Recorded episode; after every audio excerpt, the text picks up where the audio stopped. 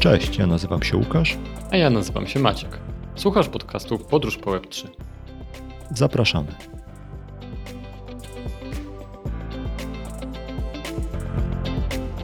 Cześć. Dzisiaj mamy bardzo ciekawy odcinek, mam nadzieję, z bardzo ciekawym gościem, e, Przemysławem Gerszmanem. Przemek pochodzi z zupełnie innego świata niż e, nasi dotychczasowi goście, mianowicie Przemek jest finansistą, można powiedzieć. Obecnie jest doradcą zarządu e, giełdy papierów wartościowych. Napisał książkę o Warrenie Buffetcie, a jest związany z krypto już parę ładnych lat, bo pamięta czasy, kiedy cena bitcoina zrównała się z uncją złota i opowiadał o tym w telewizjach biznesowych. Witaj Przemku, bardzo miło Cię nam gościć. Cześć, dziękuję za zaproszenie. E, ja Cię zapytam tak troszeczkę przewrotnie, jak to się stało, że człowiek, który napisał książkę o Warrenie Buffetcie, e, wizytował Omachę dwa razy, e, zainteresował się krypto, czyli czymś najgorszym z punktu widzenia Warrena i Charlie'ego. Jak to jest, powiedz? Ja po prostu słyszałem o krypto wcześniej niż Warren i nim Warren okay. powiedział, że że to jest złe, to już miałem wyrobione swoje własne zdanie, więc może to jest dobra odpowiedź. Tak naprawdę to często dostaję to pytanie, e, w sensie często nawet moi koledzy z finansów mnie tak próbują wziąć pod włos na zasadzie, jak to jest, że tak lubisz Buffetta, a jednocześnie jesteś ewidentnie pro krypto.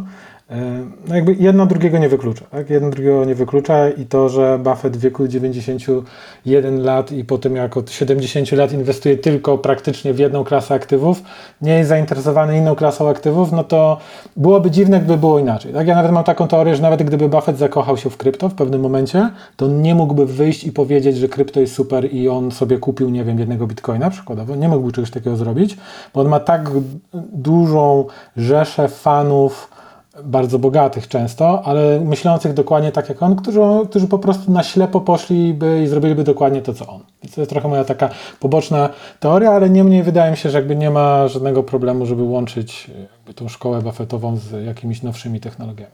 Ja też jestem wielkim fanem, tylko nie samego e, Warrena, a bardziej Charlie'ego. E, jest, po tym jak przeczytałem Almanach e, e, Charlie'ego Mangera, to Łukasz się śmiał, że jestem nie Maciej Nowak, tylko Manger Nowak, bo chodziłem i sypałem cytatami, złotymi myślami i wszyscy mieli mnie już dosyć, także temat jest mi bliski. Maciek każde zdanie zaczynał od y, określenia, bo Charlie Manger powiedział i to było tak. na wszystko. Ale nie, bo musimy przejść jeszcze przez jeden taki temat, który jest, będzie, ja się śmiałem do Maćka, że jakby ten odcinek musi się nazywać Dlaczego Warren Buffett nie lubi Bitcoina, bo to jest takie super clickbaitowe, więc miejmy to za sobą. Przemku, czemu Warren Buffett nie lubi Bitcoina? Ja może nawet bym zaproponował tytuł, dlaczego branża finansowa nie lubi bitcoina, tak? Bo, Czy to jest bardziej clickbaitowe niż Warren Buffett? Myślę, że bardziej, tak? Bo branża finansowa okay. chętnie wtedy kliknie, bo Buffett i tak pewnie nie będzie słuchał tego odcinka z całym szacunkiem do was, ale branża finansowa może się w ten sposób zainteresować. Pięć gwiazdek wystawił. E, ale co do samego Buffetta, to ja bym też zwrócił uwagę na retorykę, która się zmieniła. Ja generalnie co roku od jakiegoś czasu słucham ich wypowiedzi tam z Omaha. Dwa razy też miałem okazję słuchać ich na żywo i w tym roku Charlie akurat powiedział, że Bitcoin jest niebezpieczny, gdzie do tej pory mówił, że Bitcoin jest głupi. I to jest taki wording, mógłby umknąć, tak? Ale prawda jest taka, że do tej pory zarówno e, Buffett i, i Charlie, jak i jakby branża finansowa w dużej mierze lekceważyła kryptowaluty. No w zasadzie to są jakieś głupoty z internetu, tam jakby ktoś tam siedzi sobie w piwnicy, jacyś informatycy i coś tam wymyślili i myślą, że tutaj nam w szklanych pałacach Wall Street coś nam tu mogą, nic z tych rzeczy. No i po jakimś czasie się okazało, że no jednak mogą zagrozić, mogą ściągnąć bardzo dużo kapitału z rynku i to takiego bardzo cennego kapitału, czyli kapitału, który pochodzi od retailu. Kapitał od retailu jest o tyle cenny, że często jest to kapitał takiego niewyedukowanego inwestora, który jest mocno podatny na to, co cała branża finansowa ma do zaoferowania, czyli właśnie te złote pałace, garnitury drogie i ten cały taki wizerunek stabilności, zaufania e, i, i tego, że warto im te pieniądze powierzać. Natomiast to, co się zmieniło, no to się zmieniło to, że raz, że branża zauważyła, że jednak to nie są głupoty i że może warto jest się tym zainteresować, a dwa, że no faktycznie e, krypto dowiodło tego, że ono zostaje na dłużej. Tak? Że jeszcze w 2018 roku, nim mieliśmy ten DeFi Summer, No były jeszcze takie znaki zapytania przy poprzedniej bestie, czy w ogóle te krypto nie padnie i wszyscy o nim nie zapomną, ale to co widzimy w tej bestie, która jest teraz na rynku krypto, no to ewidentnie jakby ta branża jest tak mocno już obudowana produktami, tak dużo jest tam pieniędzy pochodzących nie z retailu, ale pochodzących od founderów, od tych, którzy budują, od startupów, którzy coś tam tworzą, że no, no nie pożegnamy się z krypto w zasadzie już nigdy. Tak? Ona w pewnym momencie, to jest moja jakby osobista teoria, że w pewnym momencie mm, cała branża krypto stanie się elementem świata finansów. To jest, to jest jakby nieuniknione i tak naprawdę branża kryptograficzna e, i branża, zarówno jeśli chodzi o tą technologię, jak i chodzi o to, co ona oferuje, jakby w dużej mierze od zawsze była częścią świata finansów, tylko inaczej była nazwana i nie była tak mocno rozwinięta jak teraz. Więc wydaje mi się, że przez wiele, wiele lat ym, branża finansowa nie lubiła i mocno lekceważyła e, krypto, a teraz wydaje mi się, że szukają, szukają jakiegoś takiego wejścia w tą branżę, żeby swojego własnego miejsca. To fajnie widać, że w pewnym momencie przestało się mówić krypto, zaczęto mówić Web3 i to jest taka fajna rotacja, taki wielki rebranding, że każdy, kto do tej pory mówił, że krypto jest do bani, że to są głupoty i tulipany, miał takie okienko, kiedy mógł powiedzieć, ale Web3 jest super. Tak, w pewnym momencie było tak, że blockchain jest dobry, ale Bitcoin jest zły i to był taki trochę rebranding, że jestem anty Bitcoin, ale pro, pro. Tak był, było takie okienko, ono jeszcze w sumie trochę trwa. E, że mm, jakby ci, którzy krytykowali krypto, nie krytykują Web3 i w ten sposób jakby przechodzą do tej branży. A to myślisz, że to jest tak, że branża finansowa po prostu stwierdziła, że to urosło, jeśli chodzi o wartość na tyle, że warto się tym interesować? No bo wiesz, ja mam trochę taką hipotezę, że no tam jednak mimo wszystko nie pracują głupi ludzie, no nie? W sensie, że oni widzą, co się dzieje i widzą to od dawna i to też nie jest tak, że oni nie mają dostępu do wiedzy, prawdopodobnie mają jeszcze łatwiejszy dostęp do wiedzy niż przeciętny zjadacz chleba i oni wszystkie te rzeczy, które się działy, no, widzieli od dawna. I myślę, że to jest tak, że po prostu ignorowali, bo to było za małe i nie warto się było po to schylać, czy raczej jest tak, że no nie wiem, jakaś taka magiczna technologia, czy te wszystkie produkty DeFi'owe ich skłoniły do tego, że jakby poczuli się zagrożeni i stwierdzili, że na wszelki wypadek będą się tym interesować?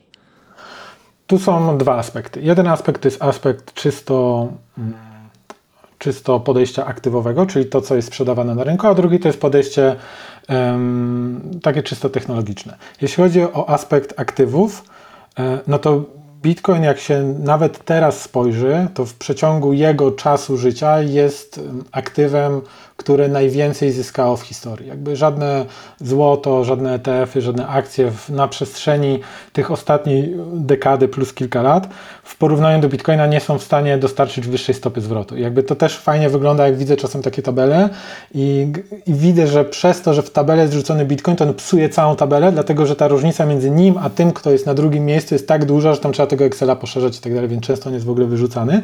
Ale niektóre banki inwestycyjne już, już jakby wprost pokazują, między innymi Goldman, JP Morgan i kilka takich dużych amerykańskich. I pierwszy problem polega na tym, czy oglądaliście Indiana Jonesa, tego pierwszego z Arką? Chyba tak. Tylko to było tak dawno, że nie pamiętam. Ale, ale wiecie, jaki tam był problem? Tam był problem taki, że jakby Harrison Ford przez cały film próbował zrobić wszystko, żeby Niemcy nie dostali tej arki. Po czym jego całe wysiłki poszły na marne, oni na końcu dostali tą arkę, otworzyli ją i arka ich wszystkich zabiła.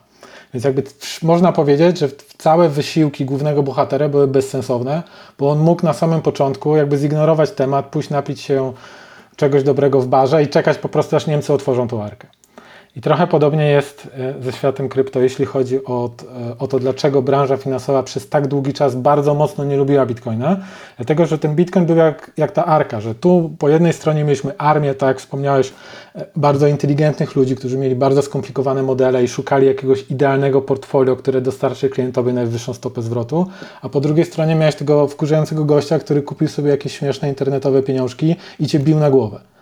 I więc przez bardzo długi czas, jakby w dość agresywny sposób, ta branża finansowa inwestycyjna naatakowała krypto, między innymi dlatego, że ono wygrywało. Tak? I, i, to się, I to się tej branży nie podobało. Um, ten temat został odpuszczony, dlatego że branża zauważała, że faktycznie w całej tej koncepcji, w całej tej technologii jest bardzo duży sens i jest bardzo duża presja ze strony klientów. Ja nawet gdy pracowałem wcześniej w, w private bankingu, w dużym międzynarodowym banku, no to dostawałem pytania od klientów, oczywiście pół żartem, pół sery, to było mniej więcej 5 lat temu, to nie jest temat sprzed jakby roku, tylko sprzed 5 lat. no, że fajnie by było, jak kiedyś w banku będę mógł kupić krypto, a nie, że muszę kupować od jakiegoś pana Mietka tam na złotej w jakimś tam dziwnym pomieszczeniu, gdzie jest tylko laptop i pendrive. I to były takie żarty żartami, ale wyraźnie na branży finansowej klienci wywierali presję, bo chcieli kupować, nie mieli gdzie i w pewnym momencie branża finansowa widziała wręcz odpływy, tak, że gdy były takie graniczne momenty hossy, no to faktycznie były to odpływy z tych retailowych rachunków w kierunku e, w kierunku pana Mietka w cudzysłowie mówiąc, czy, czy też jakiś już potem nie Mietków, tylko, e, tylko Binance'a i, jemu podobnych. I faktycznie e, branża finansowa w pewnym momencie powiedziała, dobra, technologia ma sens, przeżyła to parę lat, nie wiemy, czy akurat te konkretne aktywo to będzie te aktywo, które w, przetrwa kolejne bezce i kolejne lata, no ale hej, nie takie rzeczy się u nas sprzedawało, tak? Bo prawda jest taka, że w banku można kupić, mówię to o tym banku inwestycyjnym, no można kupić różne nietypowe aktywa, e, więc czemu nie można by było kupić też krypto? Więc jakby... Mówimy o tym jako o krypto, ale to myślisz, że ta branża myśli o czymś więcej niż o bitcoinie? Myślę jak najbardziej, że myślę o, o, czymś więcej. W ogóle cały mariaż, cały związek branży finansowej ze światem krypto zaczął się od tego, że od tego, co na początku wspomniałem, że my jesteśmy anty-Bitcoin, ale pro, pro blockchain. I sobie zrobimy swój własny blockchain, swoje własne krypto, no bo why not, tak? Skoro jakiś anonimowy gość potrafił to zrobić, no to my w banku zrobimy swoje. I to się nie udało. W sensie nikomu się nie udało, Facebookowi się nie udało, dużym bankom to się nie udało no po prostu zrobili produkt, który, którego nikt nie chciał. Jakby ludzie chcieli bitcoina, chcieli Ether i jakieś inne tego typu aktywa. Więc to była ta pierwsza faza, z której banki szybko się wycofały, ale dzięki temu nauczyły się technologii, czyli wiedzą, jak już dystrybuować e, po prywatnym e, blockchainie mm, jakieś kryptoaktywa. I jakby mają już technologię, mają już wiedzę, brakuje im produktów, no ale produkt wezmą sobie z rynku, no bo te produkty są gotowe. Brakuje im też regulacji, to jest jakby dla banków teraz największy problem. Brak regulacji w obszarze krypto. Mhm. A wiesz co, to też jest y, dosyć mocno y, aktualny temat, y, coraz wręcz aktualniejszy. Regulacje i możliwości z jednej strony ograniczenia czy zapewnienia bezpieczeństwa no, tym retailowym inwestorom, zapewnienia bezpieczeństwa ogólnie rzeczy takiej szeroko pojętemu społeczeństwu. A powiedz, jak to działa tak z twojej perspektywy, jako takiego człowieka, wiesz, ze świata finansów, regulowanego bardzo, bardzo y, precyzyjnie, jak ty patrzysz na te wszystkie y, ruchy? Wiesz, chodzi mi o to, jak ty widzisz te możliwości, których nie mają tacy zwykli mm, ludzie, którzy na przykład pracują w firmach y, związanych z finansami, a wchodzą, mogą wejść w taki świat e, krypto, gdzie tam jest totalna wolna amerykanka. Jeszcze na ten moment nie ma praktycznie, pra, praktycznie jeszcze żadnych regulacji. Jak ty na to patrzysz? Mm, generalnie wszystkie regulacje, które są no nie tylko na rynku finansowym, ale generalnie takie biznesowe, mają na celu dwie, dwa sprzeczne kierunki. Jeden kierunek to jest umożliwienie działania danej firmie w danej branży, tworząc taką piaskownicę dla niej, żeby dana firma wiedziała, w jakich obszarach może się poruszać, bo tu są wytyczne, a z drugiej strony e, też często tworzy się listę zakazów i, i, tego, czego dana firma nie może robić. Problem w tym, że mm, nie możesz stworzyć listy zakazów takich bardzo szczegółowych, jeśli no nie masz zbudowanej tej piaskownicy. Czyli fajnie by było przyjść teraz na e, rynek kryptoaktywów i zakazać paru rzeczy, tylko problem jest taki, że nie wiemy jakie są dozwolone. No, zgodnie z tą doktryną prawa rzymskiego, co nie jest zabronione, to jest dozwolone, ale jakby w, w ujęciu regulatorów to trochę za szeroka definicja, więc cały problem polega na tym, że nim coś zostanie zakazane, a dużo rzeczy powinno być zakazanych na, na rynku krypto, no to muszą być stworzone reguły gry, wedle których e, firmy muszą działać. I generalnie firmy mają z tym problem. Nawet jeśli sobie spojrzymy na taką Teslę, która w pewnym momencie e, kupiła sporo bitcoinów po prostu na swoją książkę e, firmową, tak, dla siebie, w Stanach jest takie towarzystwo księgowych, które zajmuje się tworzeniem regulacji i jakby wytycznych dla księgowych. I jakby księgowi się pytali amerykańscy, wielokrotnie zadawali temu towarzystwu pytania, w jaki sposób mamy księgować bitcoiny u nas na rachunku firmowym, tak? na rachunku tam przepływów pieniężnych, w bilansie i tak dalej. Generalnie to towarzystwo ciągle im odmawia interpretacji, któryś rok z rzędu. Więc jakby te firmy nie wiedzą, czy mają księgować po cenie, za którą kupili, a ta cena może być albo bardzo wyższa od obecnej, albo dużo niższa od obecnej, co może kompletnie zmieniać sytuację, albo mogą to robić po wycenie bieżącej. No generalnie nie wiedzą tego, to jest spory problem, więc to wiele firm już zniechęca od tego, żeby brać e, kryptoaktywa na, e, na swoją książkę i generalnie kupować je jako aktywo swojej firmy. E, kolejna sprawa jest taka, że mm, banki, żeby mogły dystrybuować e, dane aktywo klientom indywidualnym, to w ogóle podchodzą pod zupełnie inne regulacje, dlatego że klient indywidualny jest zupełnie czym innym chroniony niż jakby firmy same dla siebie coś miały robić. Więc tych regulacji kompletnie nie ma. W Europie one mm, w zasadzie powstają. Jest to między innymi regulacja MiCA, to jest jakby akronim MICA. E, Między innymi to w tym momencie powstaje, ale też jest długa droga, nim to zostanie zaimplementowane w każdym z państw członkowskich. Więc jakby ta droga jest bardzo wyboista, a z drugiej strony po ten wóz regulacyjny, który jedzie po tej wyboistej drodze, dodatkowo jest popychany całymi tą falą bankructw, która wybuchła teraz. Co jest w ogóle jakby zupełnie czymś nowym w tej branży i takiej skali e, no, zniszczenia kapitału poprzez firmy, które działały na tym samym rynku, no nie widzieliśmy do tej pory nigdy. Więc przez to, że bardzo wiele osób zostało, mówiąc wprost, oszukanych przez różne firmy, które pewnie zaraz je wymienimy z nazwiska, e, no to jakby presja na regulatorach jest tym większa. Tylko tak mówię, regulator nie może od razu wskoczyć i, i mówić, co ja tutaj zakazuję, bo po drodze musi powiedzieć, na co on się zgadza. Więc generalnie współczuję regulatorom, bo bo to jest, to jest trudna praca w tym momencie. To, czy to nie jest tak, yy, przepraszam Łukaszu, jeszcze poczekaj, czy to nie jest tak, że trochę regulatorom wyskoczył taki rynek wielkości rynku, całego rynku finansowego yy, z kapelusza z dnia na dzień i oni muszą wykonać teraz ta, praktycznie taką pracę, jak wykonali przez 100 lat regulując sektor bankowo-finansowo-giełdowy, to oni muszą to teraz parę jedną lat iteracją dosłownie. muszą zrobić. Tak, jedną iteracją, bo myślę sobie o tym na przykładzie tego legendarnego case'u insider trading na OpenSea, tam był pracownik, który miał dojście do informacji e, o tym, które e, NFT będą promowane na homepage'u, e, kupował i dumpował i teraz on jest no, oskarżony o insider trading, tylko czy to też nie, nie moje mądrości, tylko zasłyszane z, zaczytane z newslettera, czy można zinterpretować, że NFT to są dobra takie same, jakimi można operować, mówiąc o insider tradingu na giełdzie czy czy, czy, czy, czy, czy na akcjach, tak? Czy to ta sama klasa aktywów, która powinna podpadać pod taką samą interpretację prawną, że można mieć insider, robić insider trading na NFT-kach na stronie www de facto.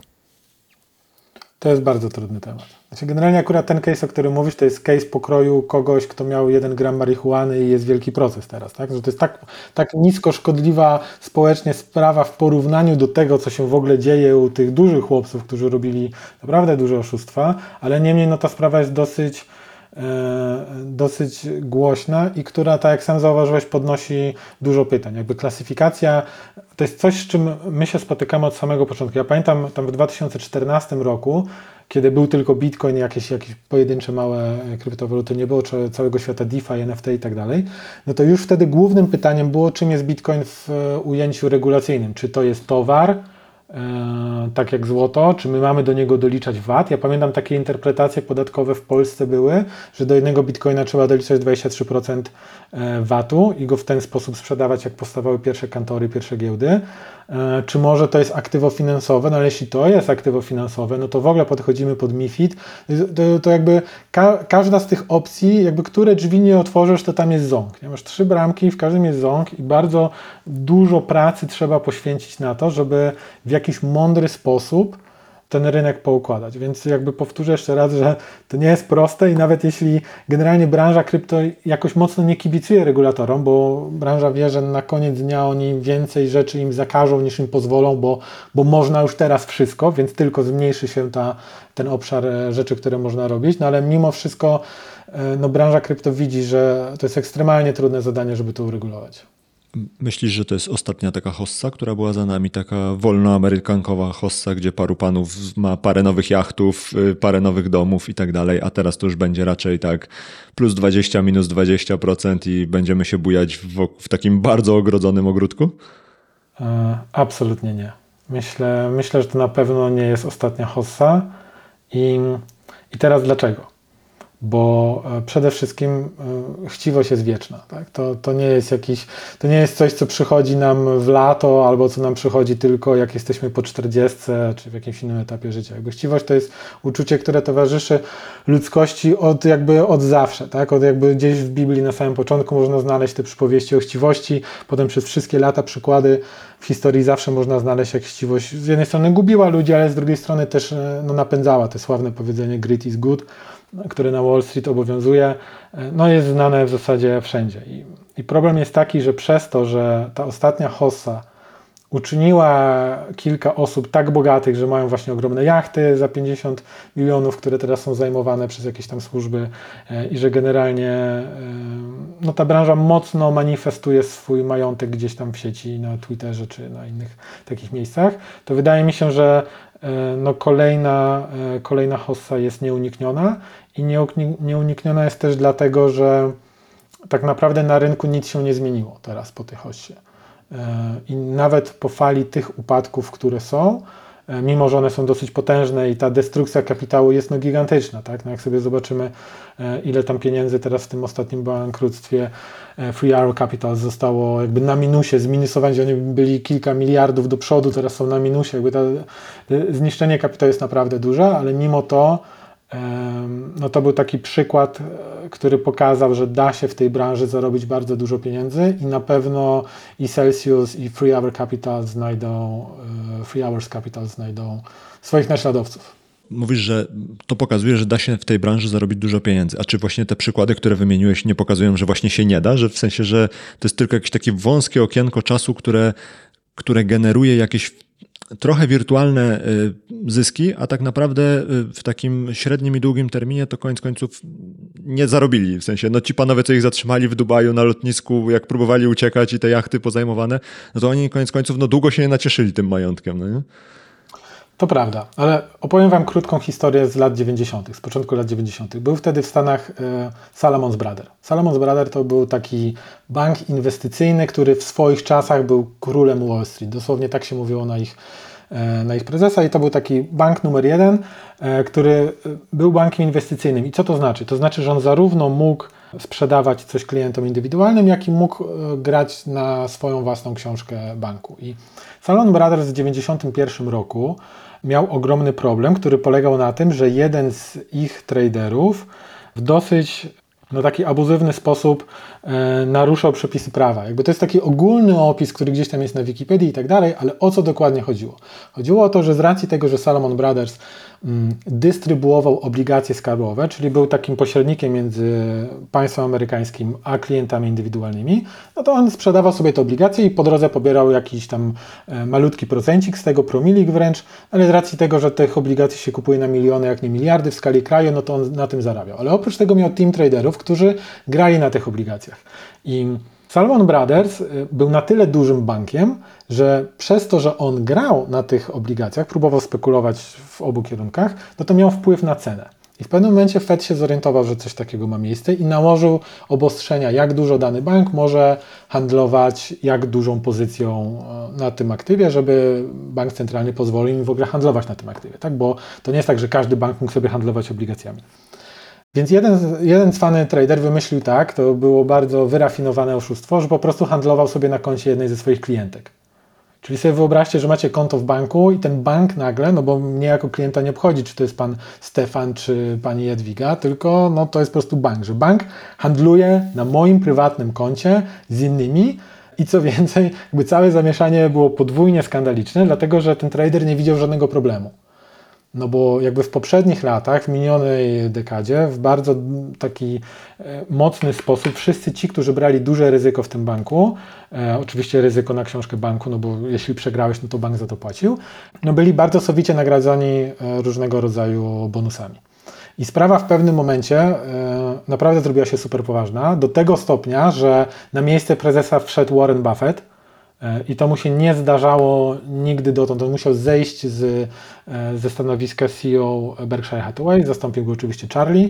I Buffett ma takie świetne przemówienie, które genialnie brzmi przed kongresem, że on mówi, że jakby zrobi wszystko, żeby znaleźć tych, którzy nadszarpnęli reputację jego, jak ich znajdzie, to będzie bezlitosny. Nie? Że tu taki miły, fajny, starszy dziadziuś, taki milutki, ale tu generalnie powiedział, że on wszystkim im jakby pourywa głowy, bo taka była mniej więcej interpretacja rynkowa i generalnie jak Buffett tam wszedł, to, to była tragedia. Tak? On zaczął wszystkich zwalniać, zaczął e, obniżać im te bonusy, jak oni przychodzili i mówili, że pójdą do innej firmy, to on ich zwalniał, nim oni się zwolnili. No, generalnie Buffett zrobił straszną czystkę w tej firmie, ale on ją uratował. I problem jest taki, że gdyby on jej nie uratował swoim wizerunkiem, to ta firma by upadła, dlatego że Fed prze- odebrałby jej licencję na to, żeby oni mogli dystrybuować te obligacje.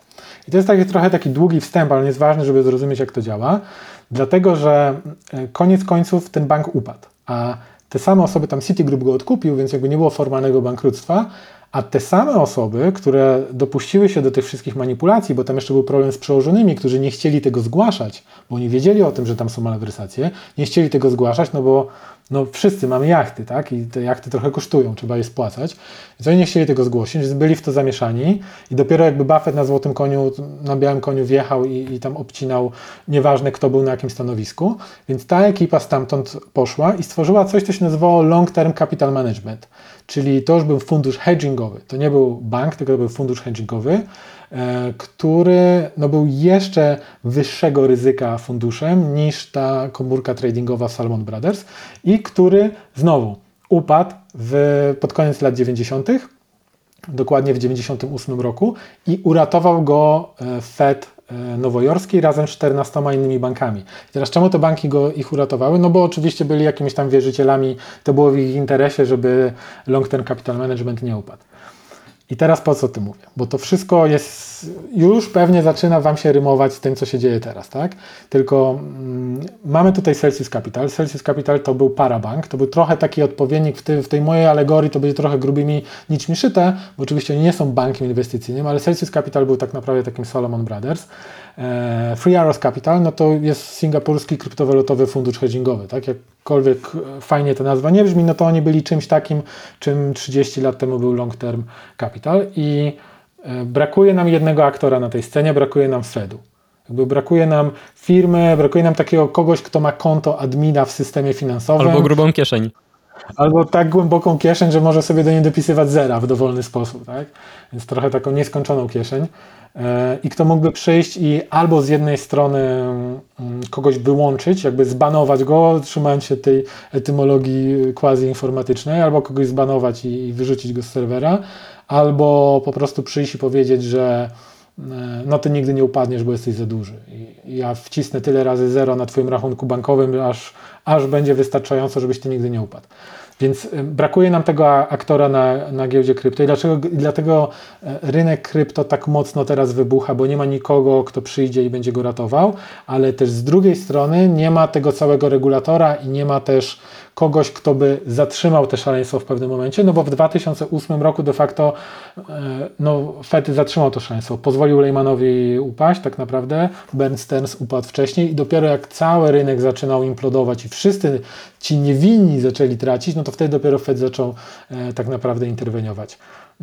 I to jest jakby przykład na to, że takie firmy jak Free Hours Capital albo Celsius Capital będą powstawać. Prawdopodobnie ja tak obstawiam, że zrobią je ci sami goście, albo niekoniecznie na swoje nazwisko, ale jakoś, no w sensie powtórzą ten sam biznes jeszcze raz, albo inni, którzy im do tej pory z, jakby zazdrościli tego, spróbują to zrobić jeszcze raz. Może zrobią to lepiej, może zrobią to gorzej, ale jakby zobaczymy to ponownie, zwłaszcza, że regulator nie nadąży z tworzeniem regulacji i nie stworzy tych regulacji w przeciągu jakichś tam 6 miesięcy, żeby mógł to powstrzymać. Poczekaj Maćku, bo mam pytanie takie jeszcze nawiązujące, bo jak o tym opowiadasz, no to jakby no nie da się ukryć, że te historie się faktycznie w wielu miejscach rymują. I teraz jak z twojej perspektywy obserwatora obu tych rynków Wydaje ci się, że lepsza jest taka sytuacja, w której przychodzi pan Fed i macza tam paluchy, dopisuje zera, kasuje kogo trzeba i robi to, co wydaje im się, że jest dobre, ogólnie rzecz biorąc, no ale to jest generalnie naprawianie silnika lecącego odrzutowca, no nie? W sensie, no tam jest tyle ruchomych części i tyle rzeczy się może popsuć przy okazji jednego takiego nieprecyzyjnego ruchu, że no jakby nikt tego nie przewidzi, więc to jest trochę takie e, niebezpieczna zabawa. E, a z drugiej strony mamy tą taką sytuację taką marzenie wszelkiej maści e, liberałów i libertarianów, czyli takich, że jest, ty jesteś panem swojego losu, dałeś pieniądze, nie sprawdziłeś, za twoje pieniądze kupili jachty, trudno, straciłeś pieniądze, twój problem, rynek sam się wyreguluje.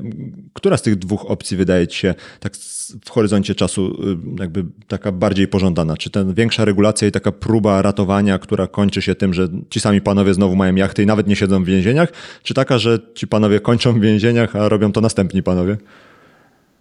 Hmm. Myślę, że mimo wszystko raczej ta druga opcja. W sensie, już mówię dlaczego. Świat kryptoaktywów jest maksymalnie fakultatywny. Nikt nigdy nas nie zmusi do tego, żebyśmy sobie założyli konto na Metamasku. Natomiast jeśli chcesz dostać emeryturę, to musisz mieć konto w banku. Tak? Jeśli chcesz dostać 500 plus na swoje świeżo co urodzone dziecko, musisz mieć konto w banku. Tak? No wiadomo, że są jakieś tam wyjątki dodatkowe, ale generalnie obecny system w jakim my żyjemy na świecie, zmusza nas do tego, że musimy mieć konto w banku. Musimy być uczestnikami rynku finansowego, dlatego na rynku finansowym musi być regulator. Ktoś, kto e, musi dbać o e, Twoje prawa, skoro Ty zostajesz zmuszony do brania udziału w, w tym systemie. Natomiast nikt nas nie zmusza do tego, żebyśmy używali kryptoaktywów, żebyśmy sobie przesyłali pieniądze w stablecoinach albo robili cokolwiek e, w tym obszarze. Więc tutaj no, ten regulator niekoniecznie jest aż tak bardzo wymagany jak w świecie finansowym. Ja nie mówię, że go ma nie być, no bo regulator też działa w wielu innych branżach, z których jakby nie, nie korzystamy w życiu, tak nie jesteśmy zmuszeni do tego, żeby korzystać, ale przynajmniej jest ta taka wymówka, że no, no ten regulator nie jest absolutnie konieczny do funkcjonowania tego rynku, dlatego że ten rynek jest rynkiem no bardzo takim dobrowolnym, tak? Nikt nas nigdy do tego nie zmusi. Niemniej, no ewidentnie widać, że te wzory, które są na rynku e, finansowym są powtarzane. Ja generalnie mówię swoim kolegom ze świata finansów zawsze, że mm, że krypto jest na tyle ciekawym rynkiem, że tam się dzieje to samo, co my już znamy z książek, tylko to się dzieje w przyspieszonym tempie. To jest taki, to co robi świat krypto teraz, to jest tak jakbyś miał grę i próbował ją przejść na takim speedrunie, nie? że znaleźć te wszystkie skróty, nie iść tak, jak to powinno być i omijasz wszystkie filmiki, cutscenki, nie czytasz dialogów, trochę nie wiesz o co chodzi, bo szybko, szybko, no i generalnie grasz 24 na dobę, bo rynki finansowe raczej są w takich godzinach biznesowych, no oczywiście z racji stref czasowych jest takie złudzenie, że giełda non-stop działa, ale tak naprawdę no ja jak się położę spać e, dzisiaj, no to e, rynek mój polski no będzie na takim samym poziomie, jak się kładłem spać. Tak? To nie jest tak, że nagle wszystkie ceny się pozmieniają, bo przez noc coś się wydarzyło.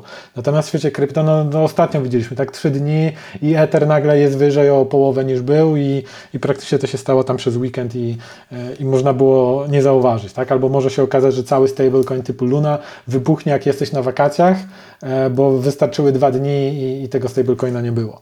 Więc no, tutaj ta ochrona klienta indywidualnego na pewno by się przydała, no bo ten klient indywidualny e, bierze udział w tym rynku, ale z drugiej strony nie jest ona tak super pilna jak na rynku. Wiesz co, rozmawialiśmy wcześniej jeszcze przed e, nagrywaniem, że yy, czytaliśmy jedną wspólną, znaczy jedną książkę czytaliśmy taką samą i tam ona omawiała między innymi różne nadużycia, które potem zostały wyregulowane, a wykorzystywały dziury z niedopowiedzeń z poprzednich uregulowań.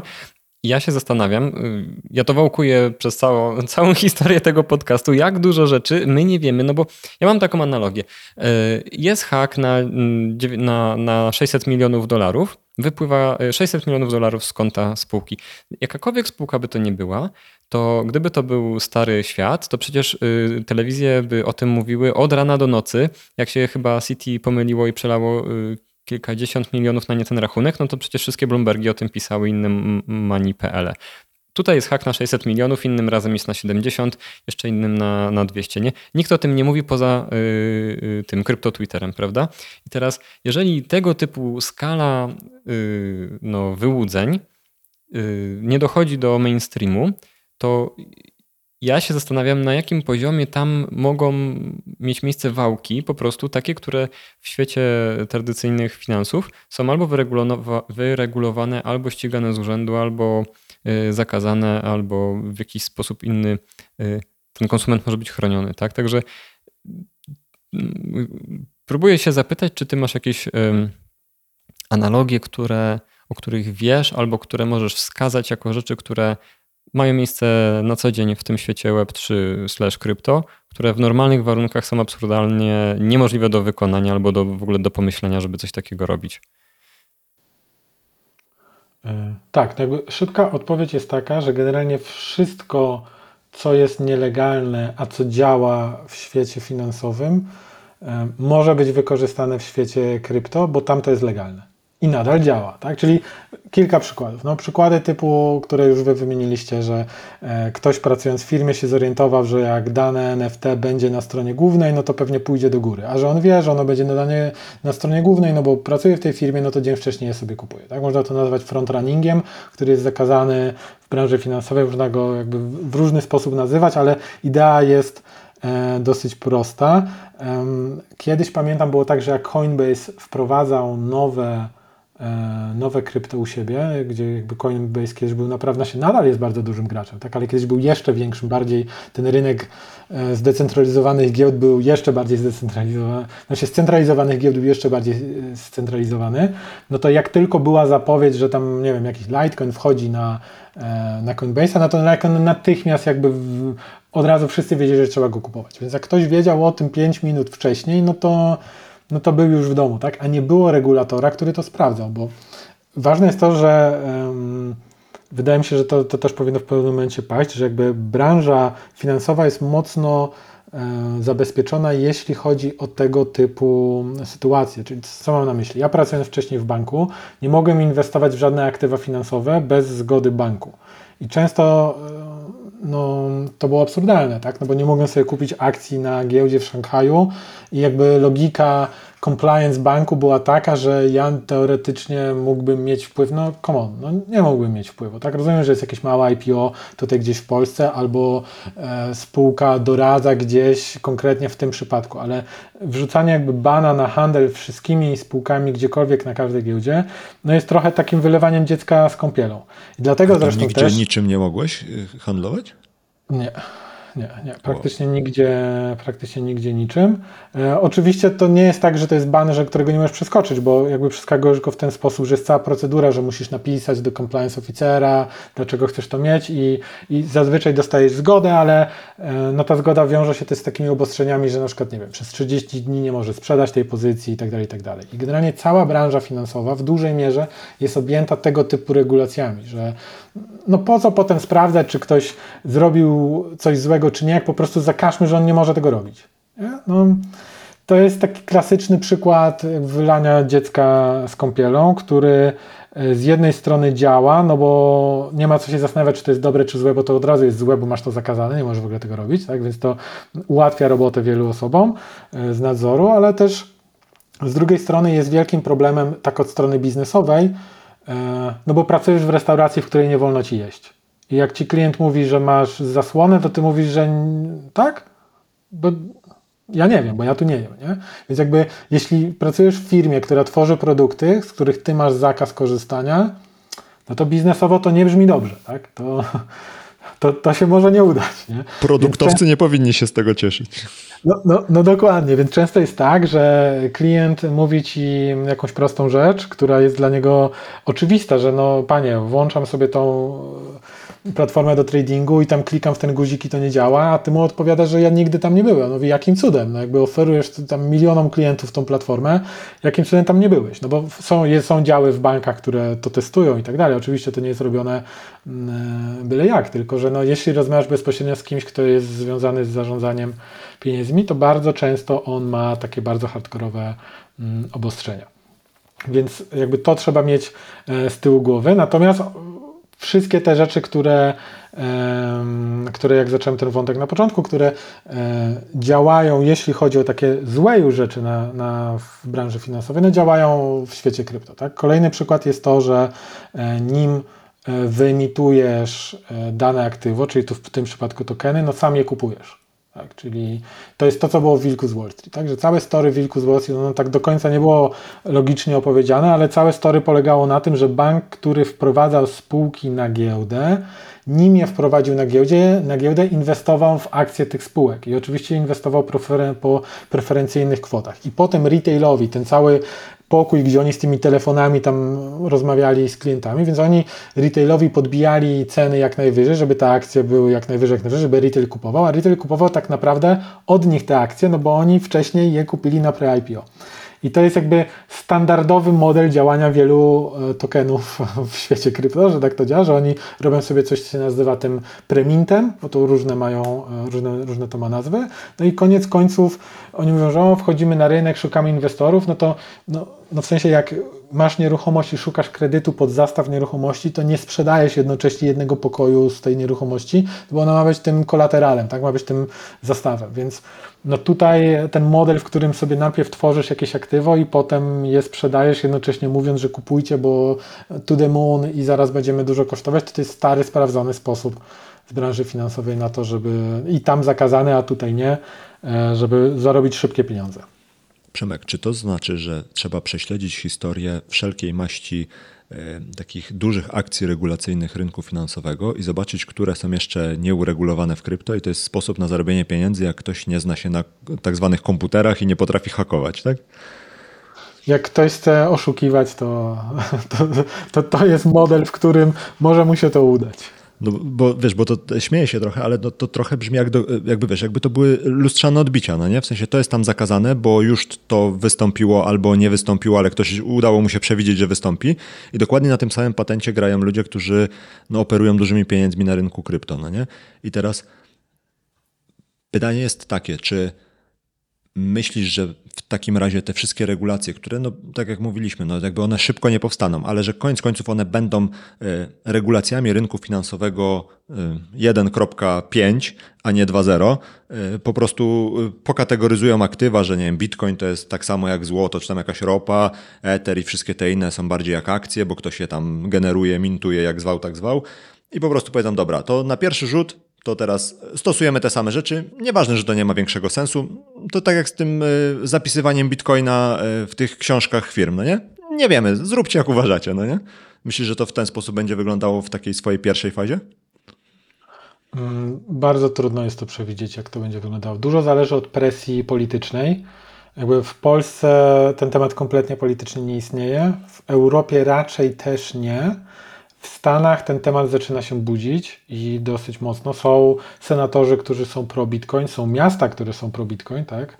Przy czym, przy, e, no, przy czym jakby same, sam układ sił, który jest w Stanach, to jest zupełnie inny układ niż jest w Europie, tak? Bo tam, jak sam zauważyłeś, są Stany, czyli jakby są państwa, można powiedzieć, że Stany składają się z małych państw. No i były czasy, kiedy te państwa się biły między sobą i cały czas te państwa tak naprawdę konkurują ze sobą, ze sobą, tak? No bo tam są różne chociażby legislacje podatkowe. Jeśli Kalifornia zaciska pasa, jeśli chodzi o bogatych, to ci bogaci się wyprowadzają do innego stanu, który oferuje im ulgi, tak? No, w Europie nie ma czegoś takiego wewnątrz państw, jest może coś takiego wewnątrz wspólnoty, ale no i tak ona jest mocno ujednolicona.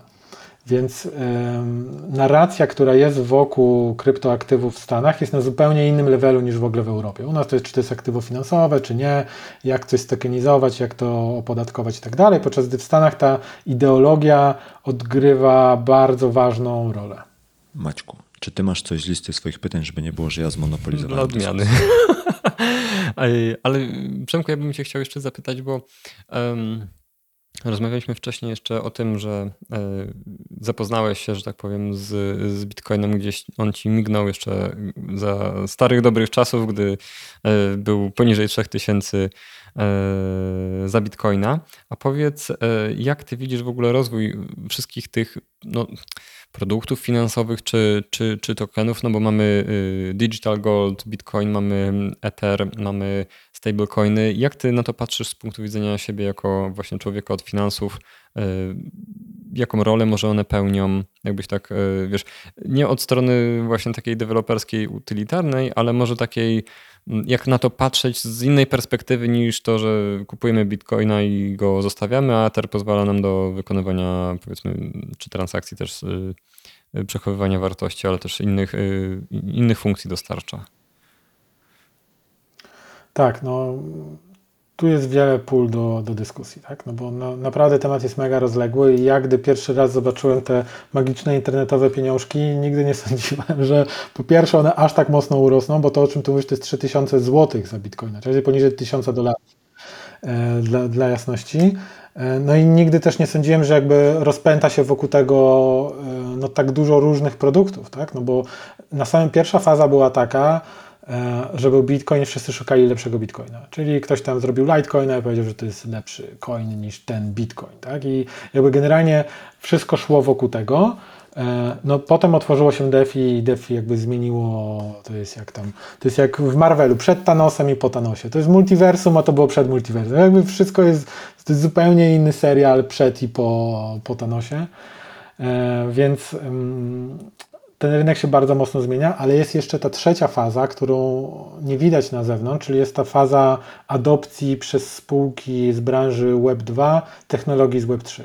I to, że mm, Disney teraz kombinuje coś na poligonie i chce stworzyć swoje NFT, przynajmniej próbuje, bo będzie grantować startupy, które za niego to zrobią, albo to, że Facebook już zapowiedział, że będzie można gdzieś te NFT sobie mieć e, u siebie w, na platformie. Nie mówię, że w tym ich metaversie, ale generalnie na Facebooku, tak jak na amerykańskim Twitterze można sobie ustawić profilówkę z NFT, tą taką, wtedy widać, że ona nie jest okrągła, tylko jest taka kanciasta E, no to tak samo Facebook kombinuje, żeby coś takiego y, zrobić i żeby zrobić też jakieś inne rzeczy, którymi można będzie handlować. Jest bardzo duży user case, jeśli chodzi o e, gaming. Jakby świat gamingu mocno się zraził do NFT na samym początku, ale to generalnie nie, nie przez same NFT, tylko przez to, jak firmy działające w tej branży próbowały jakby zarobić na graczach, nie? że tam kup sobie coś tam, co ci nic absolutnie w życiu nie da e, i w graniu, ale musisz mi za to zapłacić pieniądze. No, gracze nienawidzą e, tego modelu pay to win, tak? a, a tym bardziej nienawidzą modelu pay to get nothing, tak? No bo to, to jakby w wielu przypadkach tak wyglądało. Generalnie w świecie e, gamingu, nie wiem czy sami też jesteście graczami, ale pewnie wiecie, że e, no, temat sklepu Diablo to jest temat, który nie wiem ile ma, 5-10 lat. To, to, to, nie jest nowy pomysł, żeby umożliwić graczom wymianę za pieniądze tymi rzeczami, które oni mają w grze. To jest jakby stary, stary jak świat temat.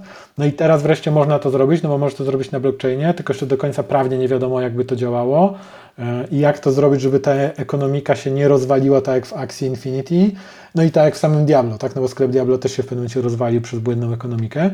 E, więc tu mamy kolejny user case, że to na pewno wróci do, e, do świata gamingu, na pewno wróci do świata collectibles i to też jest ciekawy temat, bo w Polsce branża collectibles praktycznie nie istnieje. Tak jak ja czytam różne fora albo artykuły, jak to wygląda w Stanach, no to Amerykanie uwielbiają kolekcjonować na przykład bilety na pierwszy mecz Michaela Jordana albo bilety na e, jakieś inne wydarzenie sportowe. No i oni mają tą historię sportową, tam powiedzmy około 80, tak w sensie od II wojny światowej do góry, no bo to jest ten model nostalgii, że ci, którzy byli dziećmi wtedy, to byli z ojcem, tam w latach, nie wiem, 70. na meczu, więc kogoś tam pamiętają, więc kupują, więc te starsze lata trochę tak nie działają, ale te ostatnie od II wojny światowej w górę działają i tam ciągle się handluje jakimiś rzeczami z tym związanymi. I fajne są takie przykłady, jak gdzieś na jakiejś prezentacji to przygotowywałem, że mówi się, że tam obrazek z jakąś mapką jest w ogóle bez sensu, podczas gdy ktoś zamyka w plastikowe pudełeczko jakby zaplamiony bilet tam z 77 roku na mecz, który jest warty tam miliony tak? No bo w sensie to jest cena transakcyjna, także jakby rynek collectibles w Polsce jest mało znany,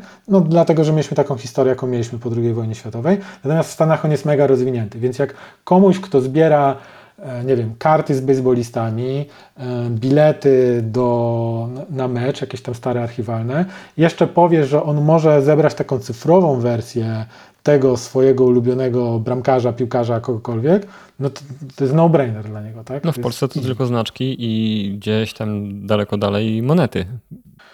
Tak, nawet, nawet monety bardziej. Znaczki zebrały trochę taką, tak mi się wydaje, może to jest moje prywatne zdanie, znaczy na pewno to jest moje prywatne zdanie, ale może się mylę, że no znaczki mają taką złą sławę. Tak kiedyś była taka faza na znaczki, wszyscy zbierali znaczki tak dawno, dawno temu, w takich boomerskich mocno czasach, E, które ja się gdzieś tam otarłem, a teraz to jest taki trochę cringe, nie? że ktoś zbiera znaczki, to, Szalony to, to nie jest fajne, no nie, nie pochwali się.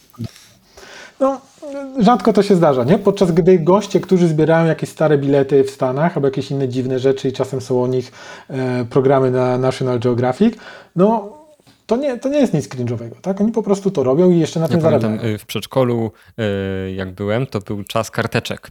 I się jeździło po karteczki do tak zwanego papiernika, czyli sklepu z klejami do papieru i innymi takimi do wycinania i, no, i były perfumowane. I to, to, to jest całe moj, cała moja styczność z Collectibles i dlatego być może ja tego tak nie, nie, nie kumam tego fenomenu, y, no bo jedyne co kolekcjonowałem to kolorowe karteczki po prostu z notesików, nie? Nie, no pewnie, ja, ja to przy, przytaczam ten przykład, żeby pokazać, że to jest nihil nowi. To jest absolutnie nic nowego, że ktoś zbiera internetowe karteczki z, z jakimiś tam małpkami, pieskami, whatever. No, a te śmieszne, e, wymyślone potworki, które mają różne moce, które się nazywają Pokémony, no przecież karty Pokémon są warte no miliony teraz. Jak sobie zobaczymy na te kolekcje yy, i to, jak dużo w ogóle influencerów gdzieś tam na zachodzie się zaczęło w to angażować, no to no bez problemu jest to coś, co nadal może wywoływać oczywiście uśmiech, no ale wtedy wyciągasz taką kartę i mówisz, zobacz, to kosztuje tyle i tyle, z tym nic nie zrobisz, to ci do niczego nie służy, ale to tyle kosztuje i deal with it. Nie? I tak trochę jest Symbol NFT, statusu, nie? No, no dokładnie i to w bardzo takiej wąskiej grupie, tak? No bo wszystkie te argumenty, które mówi się przeciwko NFT, tym takim klasycznym NFT typu punki, typu małpy i tak dalej, no one wszystkie już zostały odparte lata temu przez collectibles typu, typu Pokémony, bo to są te same argumenty. To nie ma żadnego usability. No nie ma, ani jedno, ani drugie nie ma.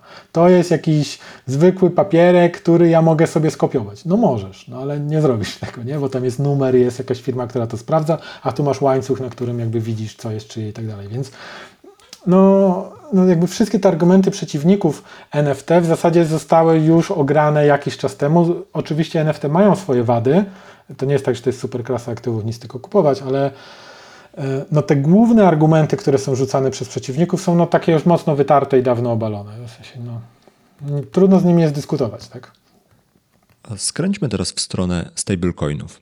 Bo wydaje mi się, że to jest też taki temat, który jest bardzo blisko tej branży, w której ty jakby siedzisz i w której od dawna uczestniczysz. I pytanie, które się nasuwa, jest takie: czy nie kończą się czasy, w, które, w których stablecoina mógł wygener- mogła jakby wygenerować dowolna firma w internecie, która albo miała jakiś zastaw, albo tak jak słynna Luna po prostu twierdziła, że jakiś tam algorytm będzie stabilizował tą cenę. Czy to nie jest tak, że jakby ten rozdział się już zamknął. Teraz stablecoiny to będzie jakiś bank centralny albo ktoś taki i jakby koniec zabawy tutaj w tym obszarze. Tak, tu są, tu są dwa wątki. Jakby pierwszy wątek y, to jest państwowych stablecoinów, czyli CBDC i może zostawmy go sobie na kolejne pytanie, bo on jest oddzielny i, i dużo waży. A teraz zajmijmy się tymi prywatnymi stablecoinami, czyli takimi, które może w, teoretycznie stworzyć każdy. I jakby szybkie wytłumaczenie dla dla naszych słuchaczy, przynajmniej z mojej perspektywy, jak wygląda tworzenie stablecoina, no to działa trochę tak, jakbyśmy poszli i oddali płaszcz w depozyt, tak? ten, ten sławny płaszcz, że dajemy de, depozyt w płaszcz, dostajemy papierek, że teraz macie mój, e, mój płaszcz i w dawnym momencie można przyjść, pokazać ten bilecik i dostajesz płaszcz. Czyli dokładnie tak samo zaczynały działać dolary. W sensie papierowy pieniądz tak zaczął działać. Tak? Jak sobie spojrzymy na historię pieniądza, to tak to wyglądało, że nikt nie chciał chodzić z tymi sztabkami złota w kieszeni i po prostu zostawiał je w banku. I bank dawał papierek, na którym było napisane, że dobra, jak zwrócisz mi ten papierek, to dostaniesz tyle, a tyle złota. Taka była umowa społeczna. No i banki oczywiście w międzyczasie zaczęły coś z tymi sztabkami złota robić. I to jest jakby cały geniusz świata finansów, tylko zdecydowana większość ludzi zatrzymuje się na etapie, że ja zdeponowałem pieniądze w banku i nie wiem, co się z nimi dzieje i nie chcę wiedzieć. Tak? Ale banki bardzo szybko się zorientowały, że nigdy się nie zdarza tak, że wszyscy przyjdą w tym samym momencie po swoje złoto. Więc jakby jakiś procent tego złota zawsze będzie u nas leżeć. Więc możemy z jakimś małym procentem, tak było na początku, jakimś małym procentem tego złota coś zrobić. No, coś zrobić, żeby mieć więcej złota. Nie? Oczywiście możemy też zdefraudować te złoto, liczyć, że się nikt nie zorientuje, ale tu mamy regulację, tak? Więc jakby regulator szybko się zorientował, że takie są akcje i to uregulował. W świecie krypto już wiemy, że nie ma regulatora i regulator się nie zorientuje, tak? Więc, więc nikt nie zakaże stworzyć takiej klasycznej piramidy finansowej, że są zdeponowane pieniądze, ich nie ma. No, po części Luna była czymś takim, tak? Tylko ona była tym algorytmicznym, tam nie było kolaterala, tylko był algorytm, tak jak już sobie powiedzieliśmy. Ale trzymajmy się tych klasycznych. Więc banki z czasem zaczęły coraz więcej, coraz więcej, coraz więcej z tego depozytu używać, żeby pożyczać innym, tak po prostu. Czyli to było trochę takie, i nadal jest, bo to ciągle tak działa, takie perpetuum mobile. Przy czym co się zmieniło? No zmieniło się to, że powstały banki centralne i banki centralne zaczęły ustalać, jaki jest koszt pieniądza, czyli ile kosztuje pieniądz, czyli po ile ci tacy uprawnieni uczestnicy rynku, jakimi są banki, a nie osoby fizyczne, mogą sobie nawzajem pożyczać pieniądze. No i tu mamy ten WIBOR, mamy tą stopą wolną od ryzyka. Generalnie stopy procentowe ustalone przez banki, tak w dużym uproszczeniu, to jest właśnie koszt pieniądza w gospodarce.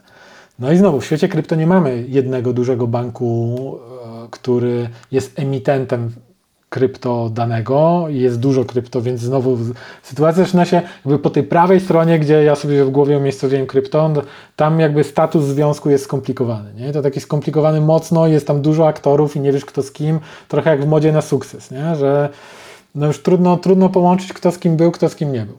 Natomiast z tej lewej strony, no, banki szybko się ucywilizowały, jeśli chodzi o depozyty. Jest te sławne powiedzenie, masz to jak w banku. Jakby nikt z nas się nie boi tego, że wsadzi 1000 zł do banku i mu nie oddadzą tego 1000 zł. Natomiast jak się tworzy mm, stablecoina, no to on jakby wracając do tego początku funkcjonowania pieniądza, właśnie tak wygląda, że ludzie dają nam jakiś pieniądz, my im dajemy e, ten bilecik, ten bilecik ma formę cyfrową i w przypadku bankowości, no bo pieniądze są głównie teraz cyfrowe i w przypadku krypto jakby w 100% mamy ten cyfrowy, cyfrowy dowód tego, że zdeponowaliśmy e, naszą walutę, jakim jest ten stablecoin, tak? czyli tam któryś z tych, który mamy e, obecnie na rynku bardzo popularnych.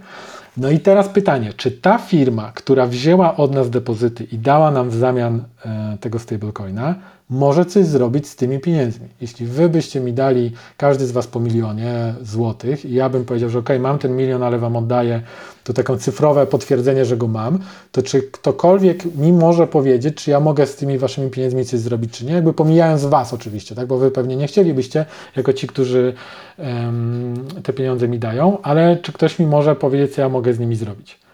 No prawda jest taka, że nikt. Co więcej, ja mówię wam, że słuchajcie, Mówię Wam wprost, że ta kasa nie leży u mnie w szufladzie, tylko ja robię super bezpieczne operacje i w ogóle macie tu 5% i nie zadawajcie pytań. Tak? Bo to tak to mniej więcej działa, że masz stablecoina, masz tam jakiś yield na stablecoinie, czyli jakby firma, która go ma, daje Ci jakiś procent, e, żeby nie było, tak? Żeby nie było, że Ty nic z tego nie masz, podczas gdy no łatwo sobie policzyć, że no ta firma raczej nie dokłada do interesu, czyli ona bierze bardziej ryzykowne aktywa, żeby żeby dowieść więcej, być w stanie samą siebie opłacić, wypłacić sobie pensję i jeszcze nam, tym e, depozytariuszem zapłacić. I teraz co ta firma robi? No ta firma robi co chce. Jak w takim normalnym świecie, w sensie tym uregulowanym, by to wyglądało tak, że byłby jakiś nadzór, który by mówił tak, po pierwsze, nie możesz handlować większą kwotą niż, tak, jakiś tam procent i to są te tak zwane rezerwy obowiązkowe, tak, czyli jakby banki mają z góry narzucone, ile pieniędzy muszą trzymać w tym depozycie, a ile mogą ryzykować. A jak już zaczynają ryzykować, no to często mają z góry określone, w co mogą inwestować, a w co nie mogą inwestować. Czyli jakby no, nasz depozyt złożony w jakimś pierwszym, lepszym banku nie może być wrzucony na jakiś tam rynek super zmienny, wolatylny i, e, i, i akcyjny, tylko no, są jakieś tam obostrzenia. Natomiast w świecie krypto no, robisz co chcesz, nadal, tak? Trzymamy się tego, więc teoretycznie ja mogę dowolny procent tego zdeponowanego pieniądza przeznaczyć na dowolne aktywo. No i te stablecoiny, które przeżyły ten krach, ten, który jest teraz, no udowodniły, że ich money management i risk management był dobrze zrobiony. Czyli ktoś, kto tam był, to nie był, e, mówiąc kolokwialnie, oszołom, który wpadł i powiedział, że to the moon i teraz się zapakujmy w to i to. A natomiast firmy, które upadły, to tak, tam tacy ludzie pracowali. No bo jakby ewidentnie te case'y, które ja widzę, że jakiś duży fundusz traci miliard, bo tam chłopaki e, zagrali na grubo w jednym kierunku i wszystkie te pieniądze klientów wrzucili w jakąś jedną rzecz, i jeszcze się zapożyczyli, no bo to też jest ta historia, tak, że oni oprócz tego, że wzięli kasę od klientów, to jeszcze się zapożyczyli od wszystkich i dlatego te firmy, które, e, w których można było deponować swoje krypto w zamian za oprocentowanie, nagle mają problem, no bo tamci nie mogą spłacić tych pożyczek, tak. I znowu retail obrywa na tym, tak? No bo na koniec dnia e, no, retail traci. Więc e, do czego zmierzam? No zmierzam do tego, że jakby ta kompletna amerykanka wolna w obszarze stablecoinów może być takim gwoździem do trumny, bo zobaczcie, że mm, ten spadek market capu całego rynku krypto jest mocno wytłumiony przez stablecoiny. W poprzedniej, które nie tracą, tak? No jakby pomijam Lunę, tak? Ale generalnie no ten jeden jeden stablecoin jak był warty 1 dolara, to nadal jest warty 1 dolara, podczas gdy tam Ether poleciał 70% w dół. Tak? Więc one mocno stabilizują cały total market cap rynku krypto, gdzie w 2018 roku nie było takiego tematu. Tak? Tam nie było aż takiej amortyzacji, bo nie było tylu stablecoinów. I Teraz mi się wydaje, że biznes taki stablecoinowy z jednej strony jest super biznesem, bo on jest bardzo prosty, tak? że jeśli ktoś mądrze pomyśli, jaki procent na jakie aktywa i będzie pilnował tego procesu, żeby żaden trader nie, nie, nie zrobił numeru jak z lat 90. i sobie nie zaczął brać większego ryzyka, zresztą to często się zdarza w bankowości inwestycyjnej, e, no to ten biznes ma duży sens, bo on jest taki dosyć stabilny, tak? taki może nie stabilny, ale dosyć mocno przewidywalny. I jak pokazało nam ostatnie lata, jest bardzo potrzebny. No my wszyscy w branży krypto potrzebujemy stablecoinów, no bo jak idzie besta, no to przerzucamy wszystko do stablecoinów, nie uciekamy do złotówki, zwłaszcza, że ucieczka do fiata, czyli do tej waluty e, no, znanej nam tradycyjnej, generuje zdarzenie podatkowe. I to też jest bardzo ważny temat, że wiele osób nie chce wyjść z krypto, dlatego że może nie chce wykazać straty, albo chce tą stratę wykazać kiedy indziej, itd. itd. Ta optymalizacja podatkowa odgrywa tu bardzo ważną rolę, o czym też jakby jakoś bardzo głośno się nie mówi. Więc odpowiadając e, na Wasze pytanie, nie wiem, nie wiem czy mogę powiedzieć, że, że odpowiedziałem, ale generalnie branża stablecoinu wydaje mi się, że na pewno będzie się rozwijać, bo przede wszystkim jest potrzebna, po drugie jest bardzo powtarzalna. Dosyć łatwo jest zrobić e, ten sam schemat biznesowy i zobaczyć, czy na, w naszej dzielnicy on się powiedzie. Tak? To jest takie kopiowanie kawiarni, no bo to mniej więcej działa tak samo. No i e, na pewno będą pomysły, żeby tworzyć inne waluty niż dolara. Tak już ma powstać euro, e, pewnie inne waluty też będą powstawać. Złoty to w ogóle tak do końca nie wiem, czemu ten złoty nie powstał, bo to był taki temat sprzed wielu, wielu lat, kiedy miał powstać polski stablecoin i nie wiem, czemu on nie powstał.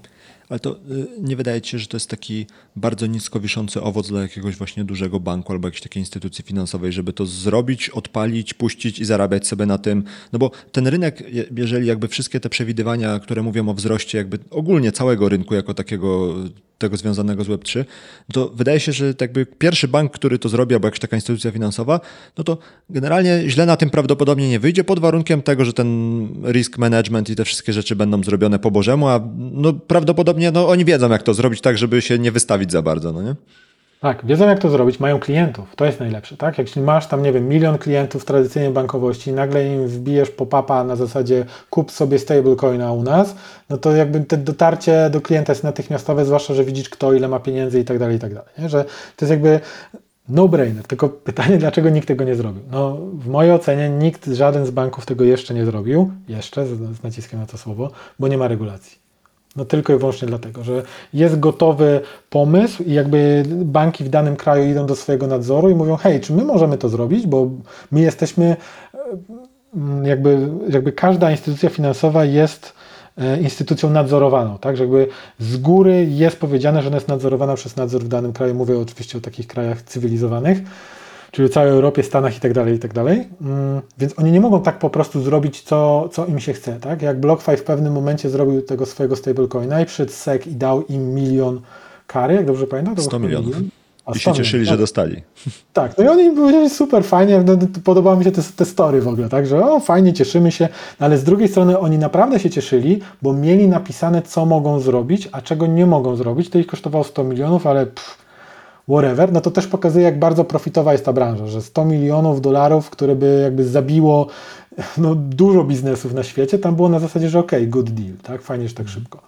A myślisz, że mógłby to zrobić jakiś taki z dużych graczy technologicznych w stylu, wiesz, no pierwszy taki w kolejce wydaje się Amazon, no nie? W sensie oni obracają pieniędzmi, y, oni mają dużo takiego przestrzeni takiej technologiczno i też jakby tak, takiego styku technologii i finansów, no nie? Myślisz, że oni mogliby być takim emisariuszem e, USDA albo USD Bezos albo coś w tym stylu? To było w ogóle super, jakby to wyglądało, jak wiesz, jak dolar, tylko zamiast jakiegoś tam prezydenta byłby Jeff Bezos w środku, no nie? Na przykład i by był jeden do jednego z dolarem. Tak, przy czym jeśli miałbym obstawiać jakiegoś tego giganta, który zrobi pierwszy, to bym powiedział, że to będzie inna spółka na A. Bo oni już wiedzą, jak pracować z y, wszystkimi finansowymi instytucjami. Tak, Apple jakby ewidentnie ma zakusy na bycie bankiem, tak? Ewidentnie, zwłaszcza, że no, tą, ten segment produktowy, jeśli chodzi o sprzęt, jest opanowany perfekcyjnie.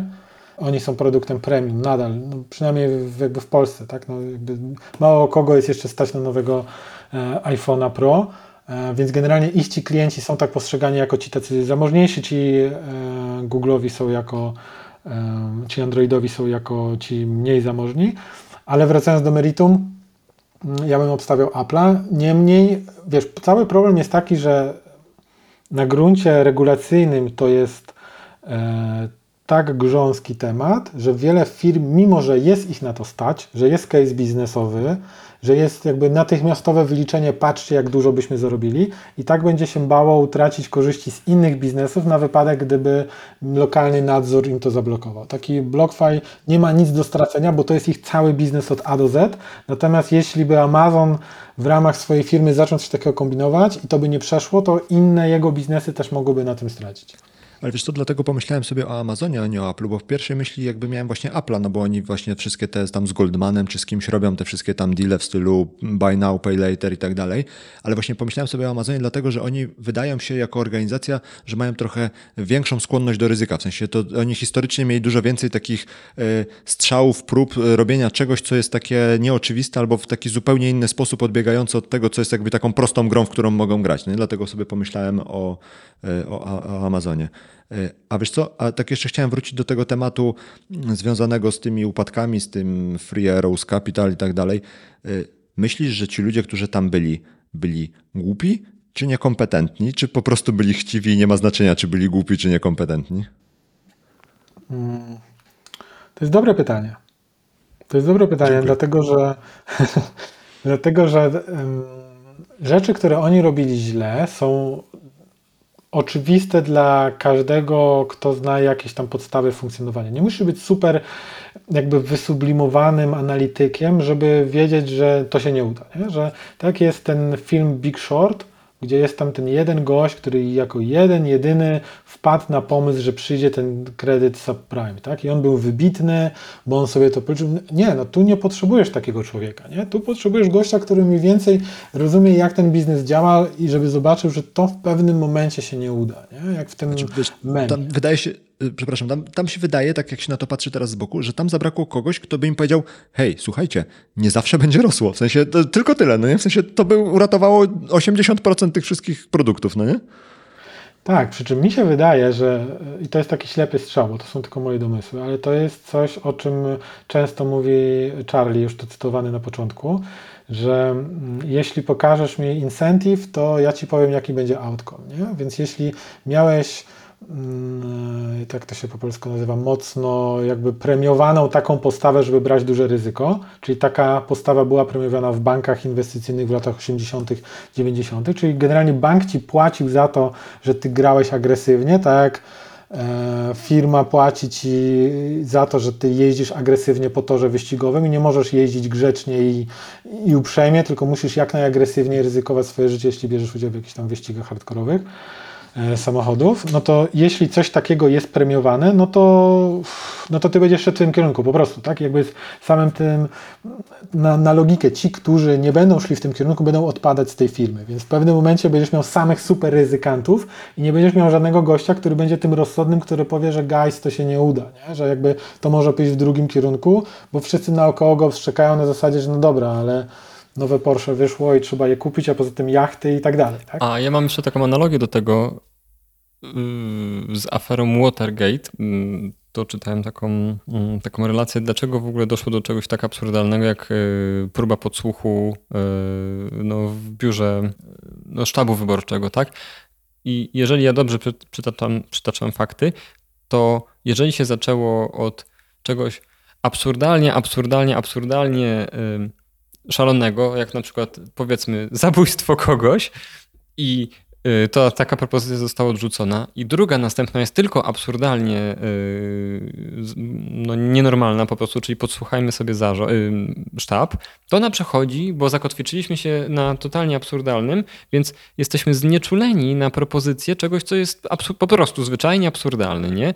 Gdzie nie było na skali na przykład pomysłu, żeby na przykład tego nie robić w ogóle, tak? Żeby nie robić żadnych takich nielegalnych ruchów i być może to też jest taka sytuacja, jeżeli się zebrała grupa e, z przypadku, która miała skłonność do ryzyka i oni nie mieli takiego buforku, nie mieli takiego, przepraszam, nie buforku, tylko takiego stopera, który by przeciągał tą wajchę ten, i mitygował ten efekt kotwiczenia na rzeczach, które były po prostu absurdalnie ryzykowne. Tak? To znaczy nie było kogoś, kto by powiedział i nazwał rzeczy po imieniu. Bo się taki nie pojawił po prostu, bo zaczęto od y, zupełnie absurdalnych pomysłów inwestycyjnych tam.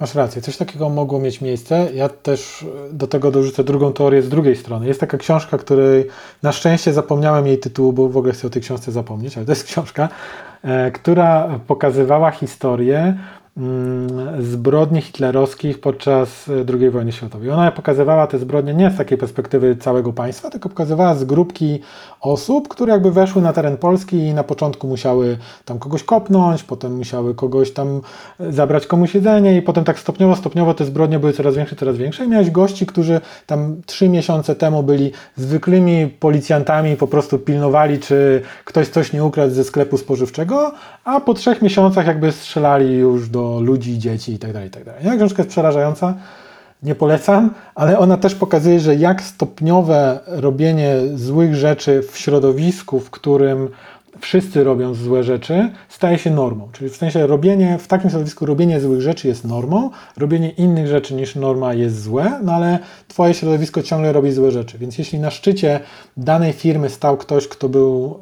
Yy, no jakby z góry w swoim DNA miał e, nie do końca bycie osobą uczciwą, jakby pójście po trupach i jakby nakierowanie tylko właśnie na zyski, no to jeśli on sobie budował taki zespół, to wszyscy, którzy nie zachowywali się tak samo odpadali, a sam zespół szedł coraz bardziej w to bagno i, i tym bardziej brał większe ryzyko, już wracając z Niemiec do, do Ameryki, czy tu w tym przypadku nawet do Singapuru i brali to ryzyko coraz większe. Ale to też mam kolejną analogię, znaczy analogię, y, wzorzec y, zasady konsekwencji, gdzie jeżeli już raz podjąłeś ryzyko, no to nie cofniesz się krok do tyłu i nie przestaniesz tego ryzyka podejmować, no bo co, do tej pory działało, to teraz nagle przestaniemy. A propos nawet Warrena, o którym mówiliśmy na początku, tak? On musi być konsekwentny. A właśnie a propos Warrena, y, co myślisz, Przemku, o takiej e, hipotezie, teorii, że tak naprawdę na tym rynku krypto nie potrzeba właśnie regulatora, który wejdzie i zacznie tam grzebać paluchami i liczyć, że dwie rzeczy naprawi, trzy popsuje, ale potem jeszcze jedną naprawi i z grubsza wyjdzie na zero, a bardziej potrzeba właśnie kogoś takiego jak właśnie taki powiedzmy Warren Buffett, czy ktoś taki w stylu tego człowieka, który założył Vanguarda, którego nigdy nie pamiętam jak się nazywa, Bogle, tak? On się Bogle. nazywał jakoś? Tak. E, kogoś takiego, kto będzie miał takie super zdroworozsądkowe podejście, kto będzie, wiesz, jakby takim e, dalej na tej wolnej amerykance będzie taką ostoją spokoju i takiego pokazywania, że można inaczej, że w długiej perspektywie to się sprawdza i on będzie tak trochę, wiesz, balansował ten rynek w drugą stronę, bez konieczności kogoś, kto będzie mówił, a tego nie wolno, tego też nie wolno i wszystkiego w ogóle nie wolno. Na pewno potrzebujemy takich aktorów na tej scenie. Nie? Na pewno brakuje nam takich po prostu good guys na, na scenie krypto. No takim podobnym biznesem mi się tak wydaje jest MakerDAO MakerDAO jest trochę takim dobrym graczem, sprawdzonym, mówi się battle tested, tak, że on przez wiele tych bez już przeszedł i, i nigdy nie wziął ryzyka jakiegoś tam większego, kto, które mogłoby e, zagrozić, plus jakby ta społeczność zawsze ich chwali, że nie wszystko głosują i tak dalej. Takim dobrym graczem, chociaż nie wszyscy się ze mną zgodzą, może być Vitalik. E, no generalnie Bitcoin Maxis go nie lubią i, i próbują z niego zrobić jakby z kamera. E, ale no Witalik, jego i postawa taka prywatna, ten ostatni post jego, jak on opowiada, jak on podróżował w tym plecaku 30-litrowym, nie? No to jest jakby no niesamowite. Gość jest multimiliarderem, a zamiast latać jetem i chodzić w, te, w lektyce, być noszonym, nie? tak jakby wielu zrobiło, gdyby miał tyle kasy, no to on chodzi w tych samych t-shirtach, jakby non-stop jest w drodze, jest tym cyfrowym nomadem takim naprawdę porządnym, więc brakuje nam tych takich bardzo dobrych graczy, ale prawda jest taka, że na rynku finansowym też takich dobrych graczy brakuje. No ty wymieniłeś Johna Bogla, który już niestety nie żyje. Buffett jest jednym z takich ostatnich oldschoolowych gości, którzy są na tej scenie. Jest paru takich mm, gości z takim bardzo długim track recordem. Na przykład jest człowiek, który się nazywa Carl Icahn, ale znowu Carl Icahn nie ma takiej historii bycia super fair play, jaką ma Buffett, a przynajmniej sobie taką zbudował, bo Buffett nie zawsze był miłym starszym panem.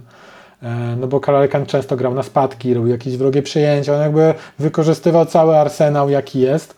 E, ale no, w sensie w tej kolejce za tymi dużymi nazwiskami na rynku finansowym nie ma wcale tłumu. Tak? I, I w krypto tym bardziej nie ma na horyzoncie wielu takich osób, które miałyby już taki track record, który mogłyby się pochwalić, że zrobiły dużo dobrego. Ale to w ogóle branża finansowa nie wydaje się, żeby y, wydała na świat takich y, powiedzmy, powiedzmy prawych ludzi, no bo to, to trochę jednak jest gra o sumie zerowej, że jeden zyska, jeżeli inny straci. No bo jeżeli kupimy coś, co potem sprzedamy drożej, no to no my zarabiamy na tej, na, na tej różnicy i dopóki ta gospodarka rośnie no nie wiem, nie chcę tutaj może wchodzić za głęboko w nie, moją, y, nie mój obszar kompetencji, ale jeszcze chciałem nawiązać do tych, y, do tych tuzów. Y, a co sądzisz o Rayu Dalio, który napisał zasady, w których opisuje, jak prawym człowiekiem był i oczywiście jakieś tam błędy popełnił, ale jaki w ogóle framework myślowy stworzył do tego, żeby wszystkim było dobrze i empowerował pracowników i no w ogóle same prawe rzeczy takie no podniosłe. To, to, jeszcze moment z Buffettem, bo dwa pytania o Buffetta, które dostaję najczęściej, to pierwsze jest właśnie takie, że no jak możesz mówić dobrze o krypto, jak Buffett nie mówi dobrze o krypto. A drugie pytanie jest takie, że kiedy, kiedy ten Buffett na polskiej giełdzie? Tak? Czemu polska giełda nie ma Buffetta? No to ja tłumaczę, że jakby Buffett urodził się w latach 30. jakby minionego wieku, a amerykańska giełda mm, jakby powstała w jeszcze poprzednim wieku. Tak?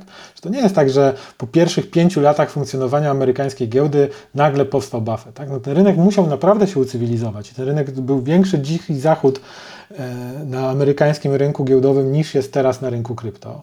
I, I to mówię z pełną świadomością, znając historię tego rynku. Wiadomo, że mówimy o wydarzeniach sprzed 100 lat, ale, ale tam też był taki dziki zachód. Kiedyś nie było Fedu w ogóle i jakby banki amerykańskie wpadły na pomysł, że potrzebujemy mieć tego admina i jakby same e, z tym pomysłem wyszły. To nie był pomysł narzucony tak jak w większości innych państw. E, I no, rynek amerykański czekał tam powiedzmy 150 lat na to, aż ten Buffett przyjdzie i, i, i się wyłoni. Tak? Więc y, do czego zmierzam? Na polskim rynku, który działa od 30 lat, tam jakby działa, historia jest dłuższa, tak? ale przez to, że mieliśmy e, taką sytuację po II wojnie światowej i samą II wojnę światową na naszym terenie, no to ta giełda nie działała przez wiele, wiele, wiele lat. E, więc do czego zmierzam? I to trochę może zabrzmieć kontrowersyjnie, ale żeby stworzyć graczy, którzy grają fair, no musisz mieć środowisko, w którym granie fair jest w jakiś sposób premiowane. Tak?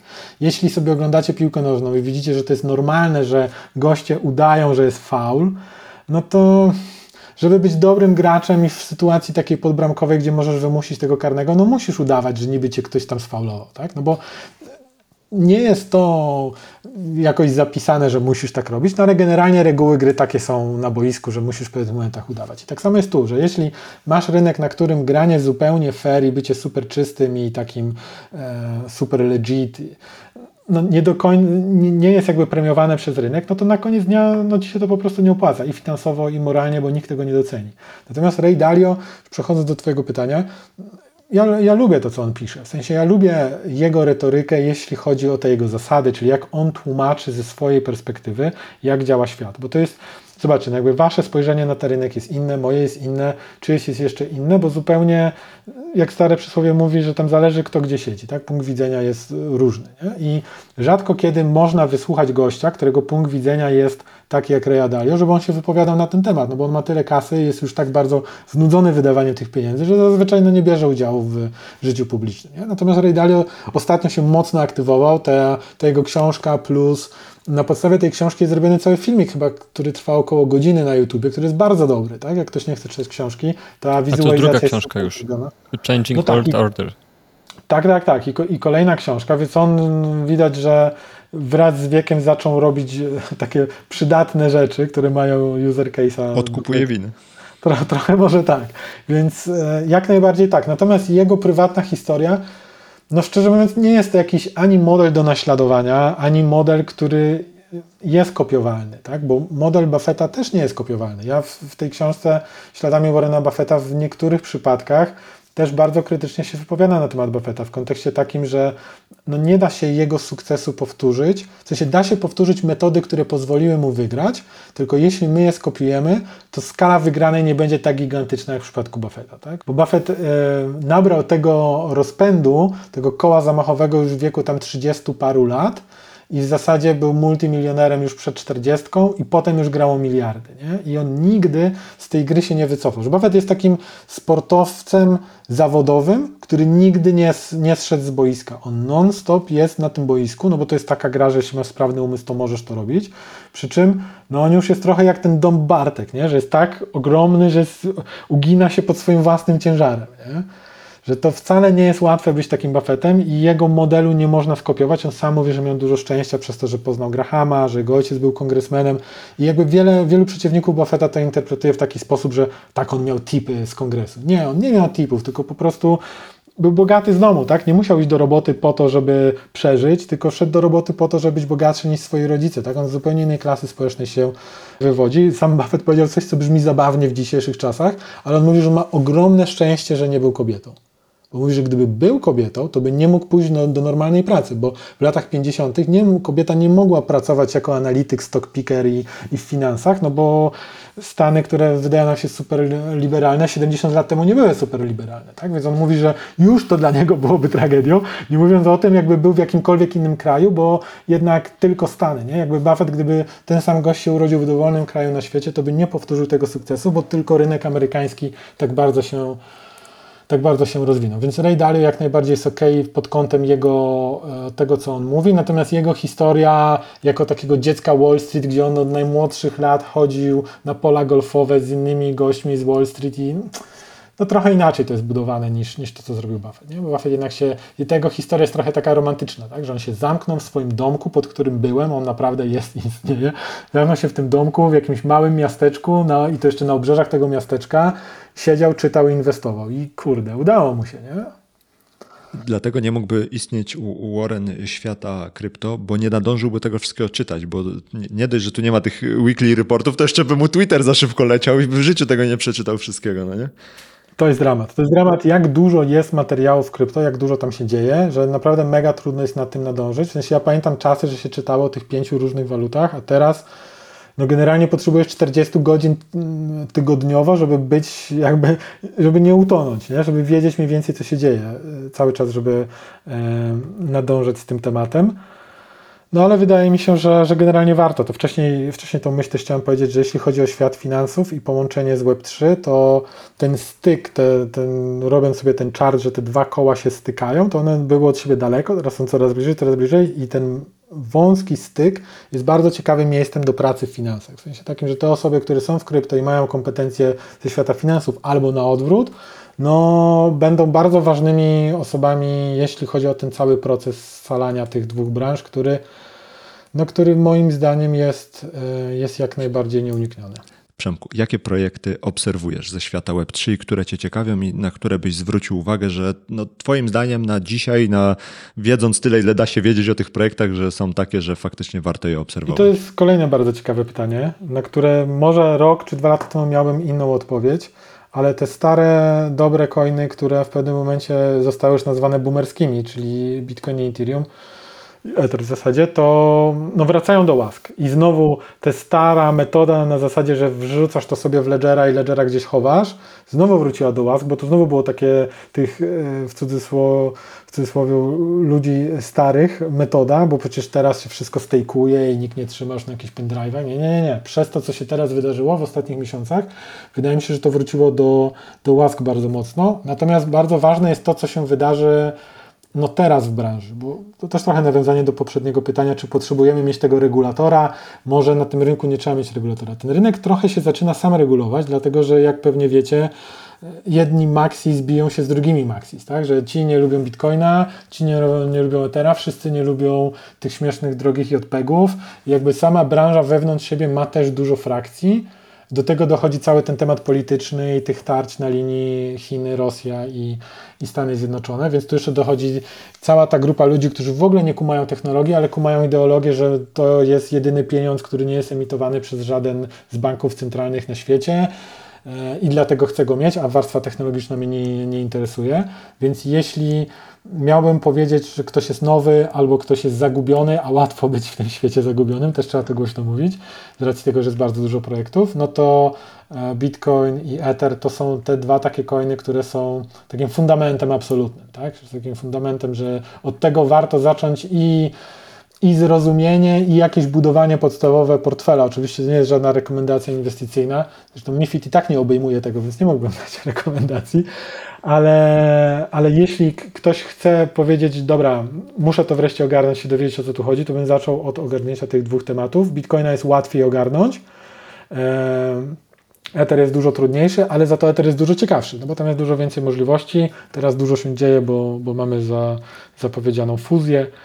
Więc no, zdecydowanie dużo tematów się dzieje. Ja staram się śledzić przede wszystkim tematy związane z fuzjami. Przez moment śledziłem temat NFT i poszczególnych projektów, ale ta karuzela się kręciła tak szybko, że ja wypadłem na którymś zakręcie i nawet się nie zorientowałem, że wypadłem, bo tak mi się w głowie kręciło, że myślałem, że dalej jestem w karuzeli i ten temat popłynął gdzieś dalej. Jakieś nowe tematy powstały, nie, poważnie, jakby śledzenie duża część sukcesu na tym rynku to jest posiadanie takiej uwagi mocno skoncentrowanej na jakimś konkretnym projekcie, plus wybranie odpowiedniego projektu, nie? Czyli generalnie trudno i trudno, że to w obu przypadkach nic nie zależy od nas, nie? Że tu mamy łód szczęścia, co akurat nas zainteresuje, a z drugiej strony mamy łód szczęścia, czy ten projekt się uda, czy się nie, czy się nie uda.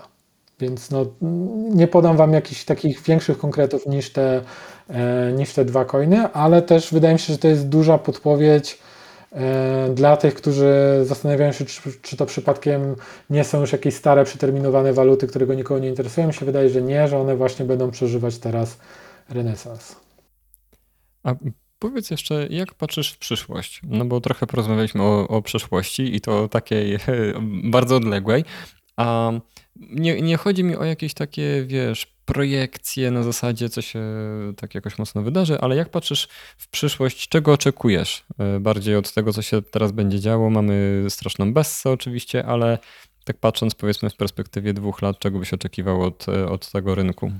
Hmm. Jak bardzo mam mówić szczegółowo, czy tak bardziej ogólnie, jak wolicie?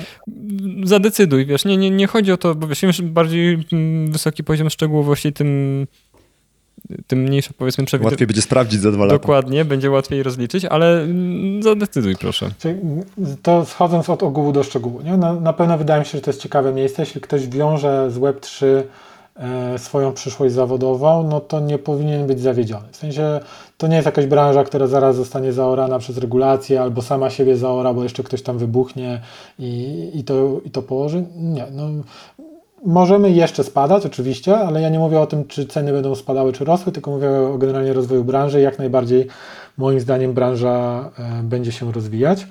Schodząc trochę niżej, jeśli chodzi o tą największą kryptowalutę, jaką jest Bitcoin, najstarszą, no to wydaje mi się, że temat będzie mocno upolityczniony i na pewno będzie głośnym tematem i dużo się będzie działo na tej arenie, jeśli chodzi o takie duże siły.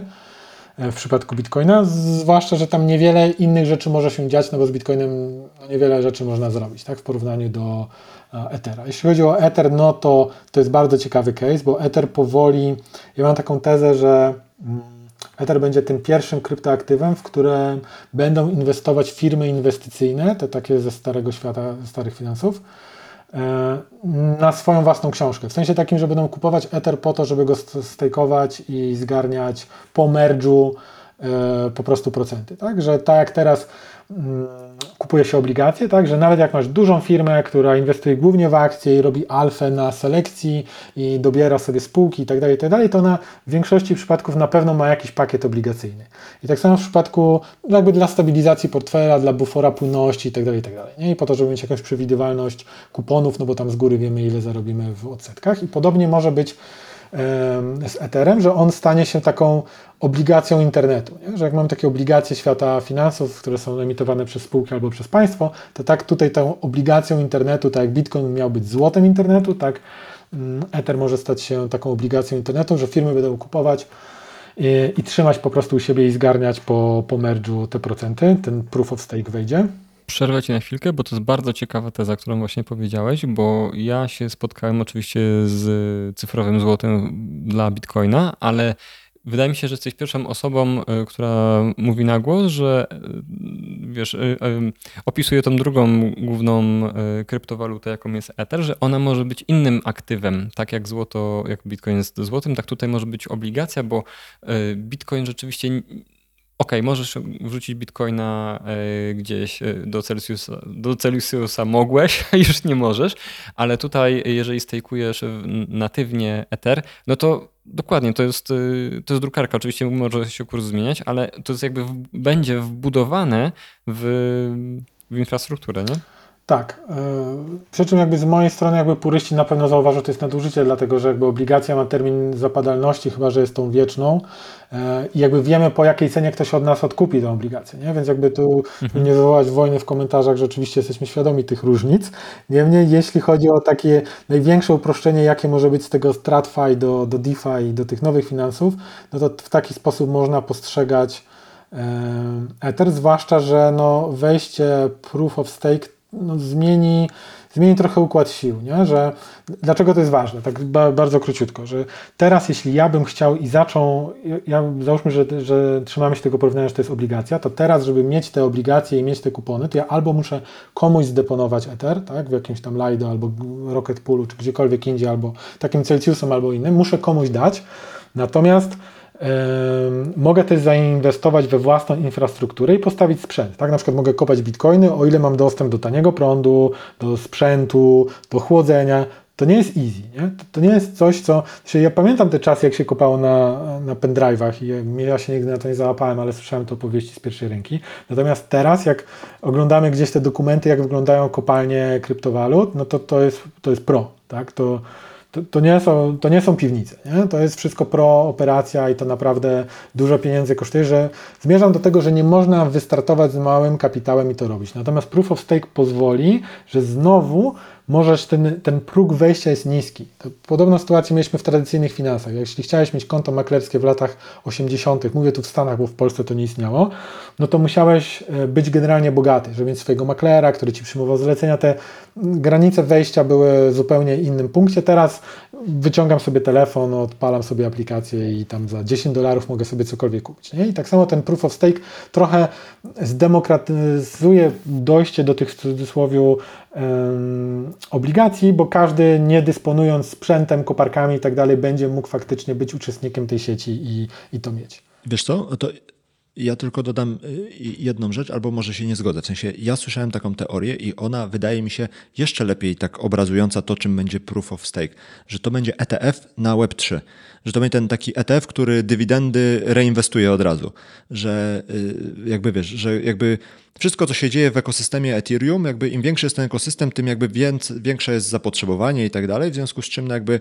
y, to wszystko, co jest związane ze stakeowaniem Ethereum, jakby Wartość Ethereum prawdopodobnie będzie rosła wraz z tym, jak ten cały ekosystem będzie puchł i w związku z tym, no jakby ten Ethers i te tam 4 około procent, które ma być, że to będzie taki ETF właśnie akumulujący dywidendy się mówi? To, tak, tak, tak, no w sensie reinwestujący je na bieżąco. No to takie podejście można zastosować. Tak, tak. No, jeden z podstawowych modeli finansowych, który działa w świecie finansów, to jest model Gordona, służący do wyceniania bieżącej wartości spółki, patrząc na dywidendę, którą ona będzie płaciła w przyszłości. Tak? Czyli spółki, która nie płaci dywidendy, no bardzo trudno jest wycenić, bo trudno oszacować, jaki będzie jej w przyszłości e, kurs. I z racji tego, że w przypadku Proof of Stake będziemy mieli płatne w miarę przewidywalne dywidendy, w cudzysłowie, bo to oczywiście nie jest dywidenda, ale można tak uprościć, mm, no to można użyć metodu Discounted Cash Flows, czyli DCF-a, do obliczenia wartości Ethera. I dlaczego to jest ważne? Dlatego, że DCF to jest jakby podstawowy model, którego używają wszyscy finansiści na świecie. Główny Excel, taki Excel Excelów, tak? I jakby każdy w finansach potrafi się tym posługiwać, więc jeśli e, finansiści z tych wszystkich e, firm inwestycyjnych podejdą do tego tematu od tej strony, no to oni mają już wskakują na autostradę, jeśli chodzi o zrozumienie tematu, nie? Że wreszcie są takie punkty, w których oni mogą podłączyć. Ja nawet widziałem próbę takiego stworzenia takiego modelu i ten model jakby szacuje Ci, jaka będzie docelowa cena danego aktywa na podstawie tych przyszłych przepływów pieniężnych. Nie? Tam trzeba kilka danych wpisać. Wiadomo, że to się. To nie jest tak, że to jest, mamy pewność dzięki temu, ale to jest dokładnie ta sama mechanika, której banki używają do wyceny akcji danej spółki, tak, płacącej e, dywidendy albo też, albo też niekoniecznie. Więc wydaje mi się, że dzięki temu E, no to będzie ten kolejny, e, kolejny argument za tym, że jeśli któreś z kryptoaktywów będzie wrzucane na książkę e, tradycyjnych firm inwestycyjnych, to właśnie nie będą to e, jakieś tam kolekcjonerskie e, JPEGi i tak dalej, tylko prędzej będzie to Ether.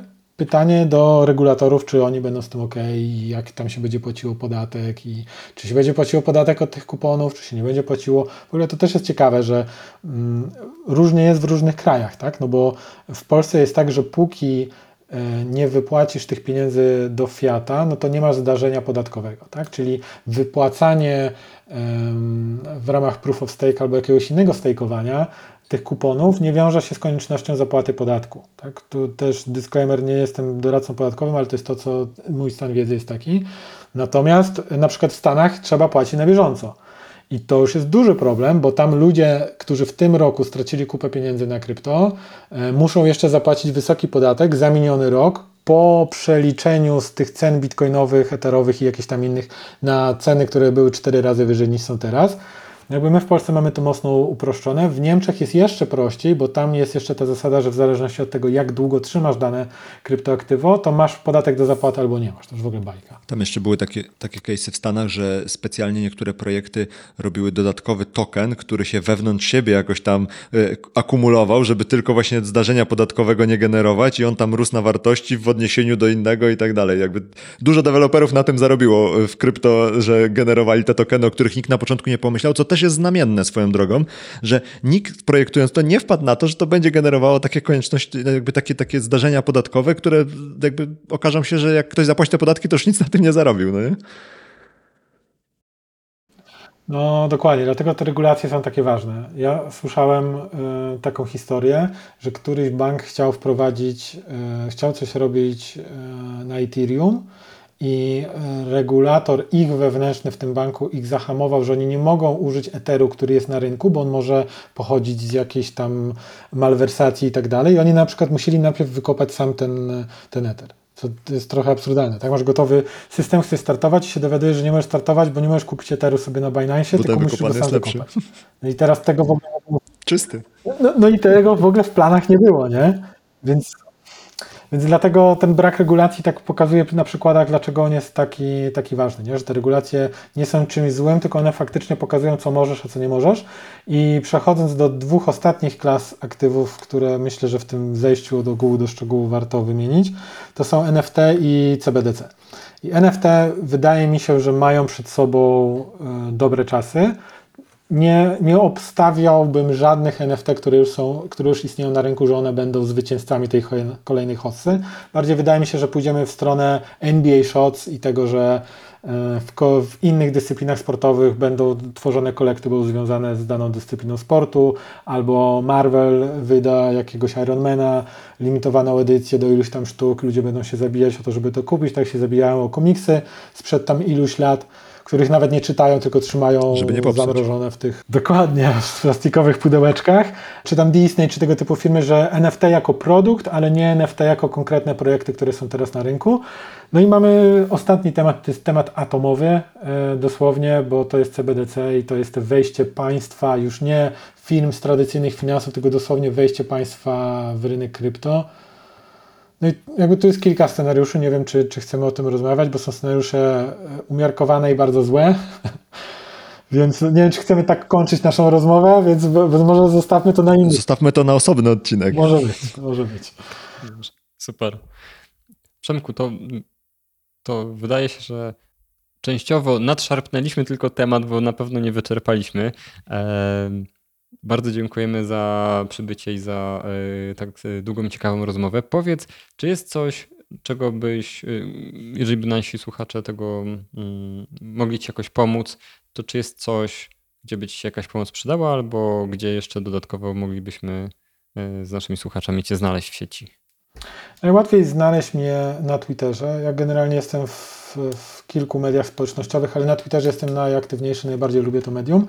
I jeśli jesteście zainteresowani moim punktem widzenia czy świata krypto, czy jakichś e, innych tematów, no to ja piszę swój newsletter, nazywa się 52 notatki, publikuję go w sobotę rano i między innymi temat krypto tam się przewija, ale uprzedzam, że to nie jest temat taki techniczny, tylko bardziej wskazuje z takiego wyższego poziomu, dlaczego coś jest ciekawe, dlaczego coś ma sens, dlaczego coś się uda, dlaczego coś się nie uda. Więc to jest takie bardzo nie, nie techniczne są te artykuły i, i też nie jest tematem dominującym krypto, raczej są, raczej są inne tematy e, bardziej życiowe, biznesowe niż, e, niż tylko krypto tam. Więc jakby zachęcam do, do zapisania się na newsletter. Można to zrobić e, po prostu przez Twittera. Tak?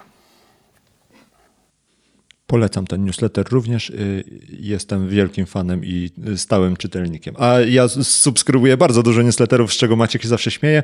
y, I ten, y, który ty Przemku prowadzisz, no jakby z ręką na sercu mogę powiedzieć, że jest jednym z lepszych polskich newsletterów, jeśli chodzi o tą taką, tak, część taką, znaczy ten taki bańkę, w której my żyjemy, no bo to jest jednak ciągle jakaś tam bańka. A propos y, Łukasza newsletterów, to jeżeli chcesz, y, żeby Łukasz coś zrobił, możesz napisać to w newsletterze i Łukasz to wtedy zrobi. Albo ja nie nagrać mogę po podcast prostu. i powiedzieć w podcaście. A to wtedy zrobię od razu. Tak to trzeba czekać. Dobrze wiedzieć. Bardzo Wam dziękuję za dobre słowo. Bardzo mnie to cieszy. Dzięki wielkie Przemku za twój czas i za wiedzę, którą się podzieliłeś i do zobaczenia, do usłyszenia następnym razem. Trzymaj się. Dziękuję. Do usłyszenia. Dzięki. Hej. Dzięki za wysłuchanie kolejnego odcinka podcastu Podróż po Web3. Żeby nie przegapić kolejnych odcinków, pamiętaj, żeby zasubskrybować ten podcast w swojej aplikacji do podcastów. Wejdź również na www.ppw3.pl i zapisz się do newslettera. Otrzymasz dzięki temu powiadomienie o każdym nowym odcinku oraz dodatkowe materiały. Dzięki i do usłyszenia. Cześć.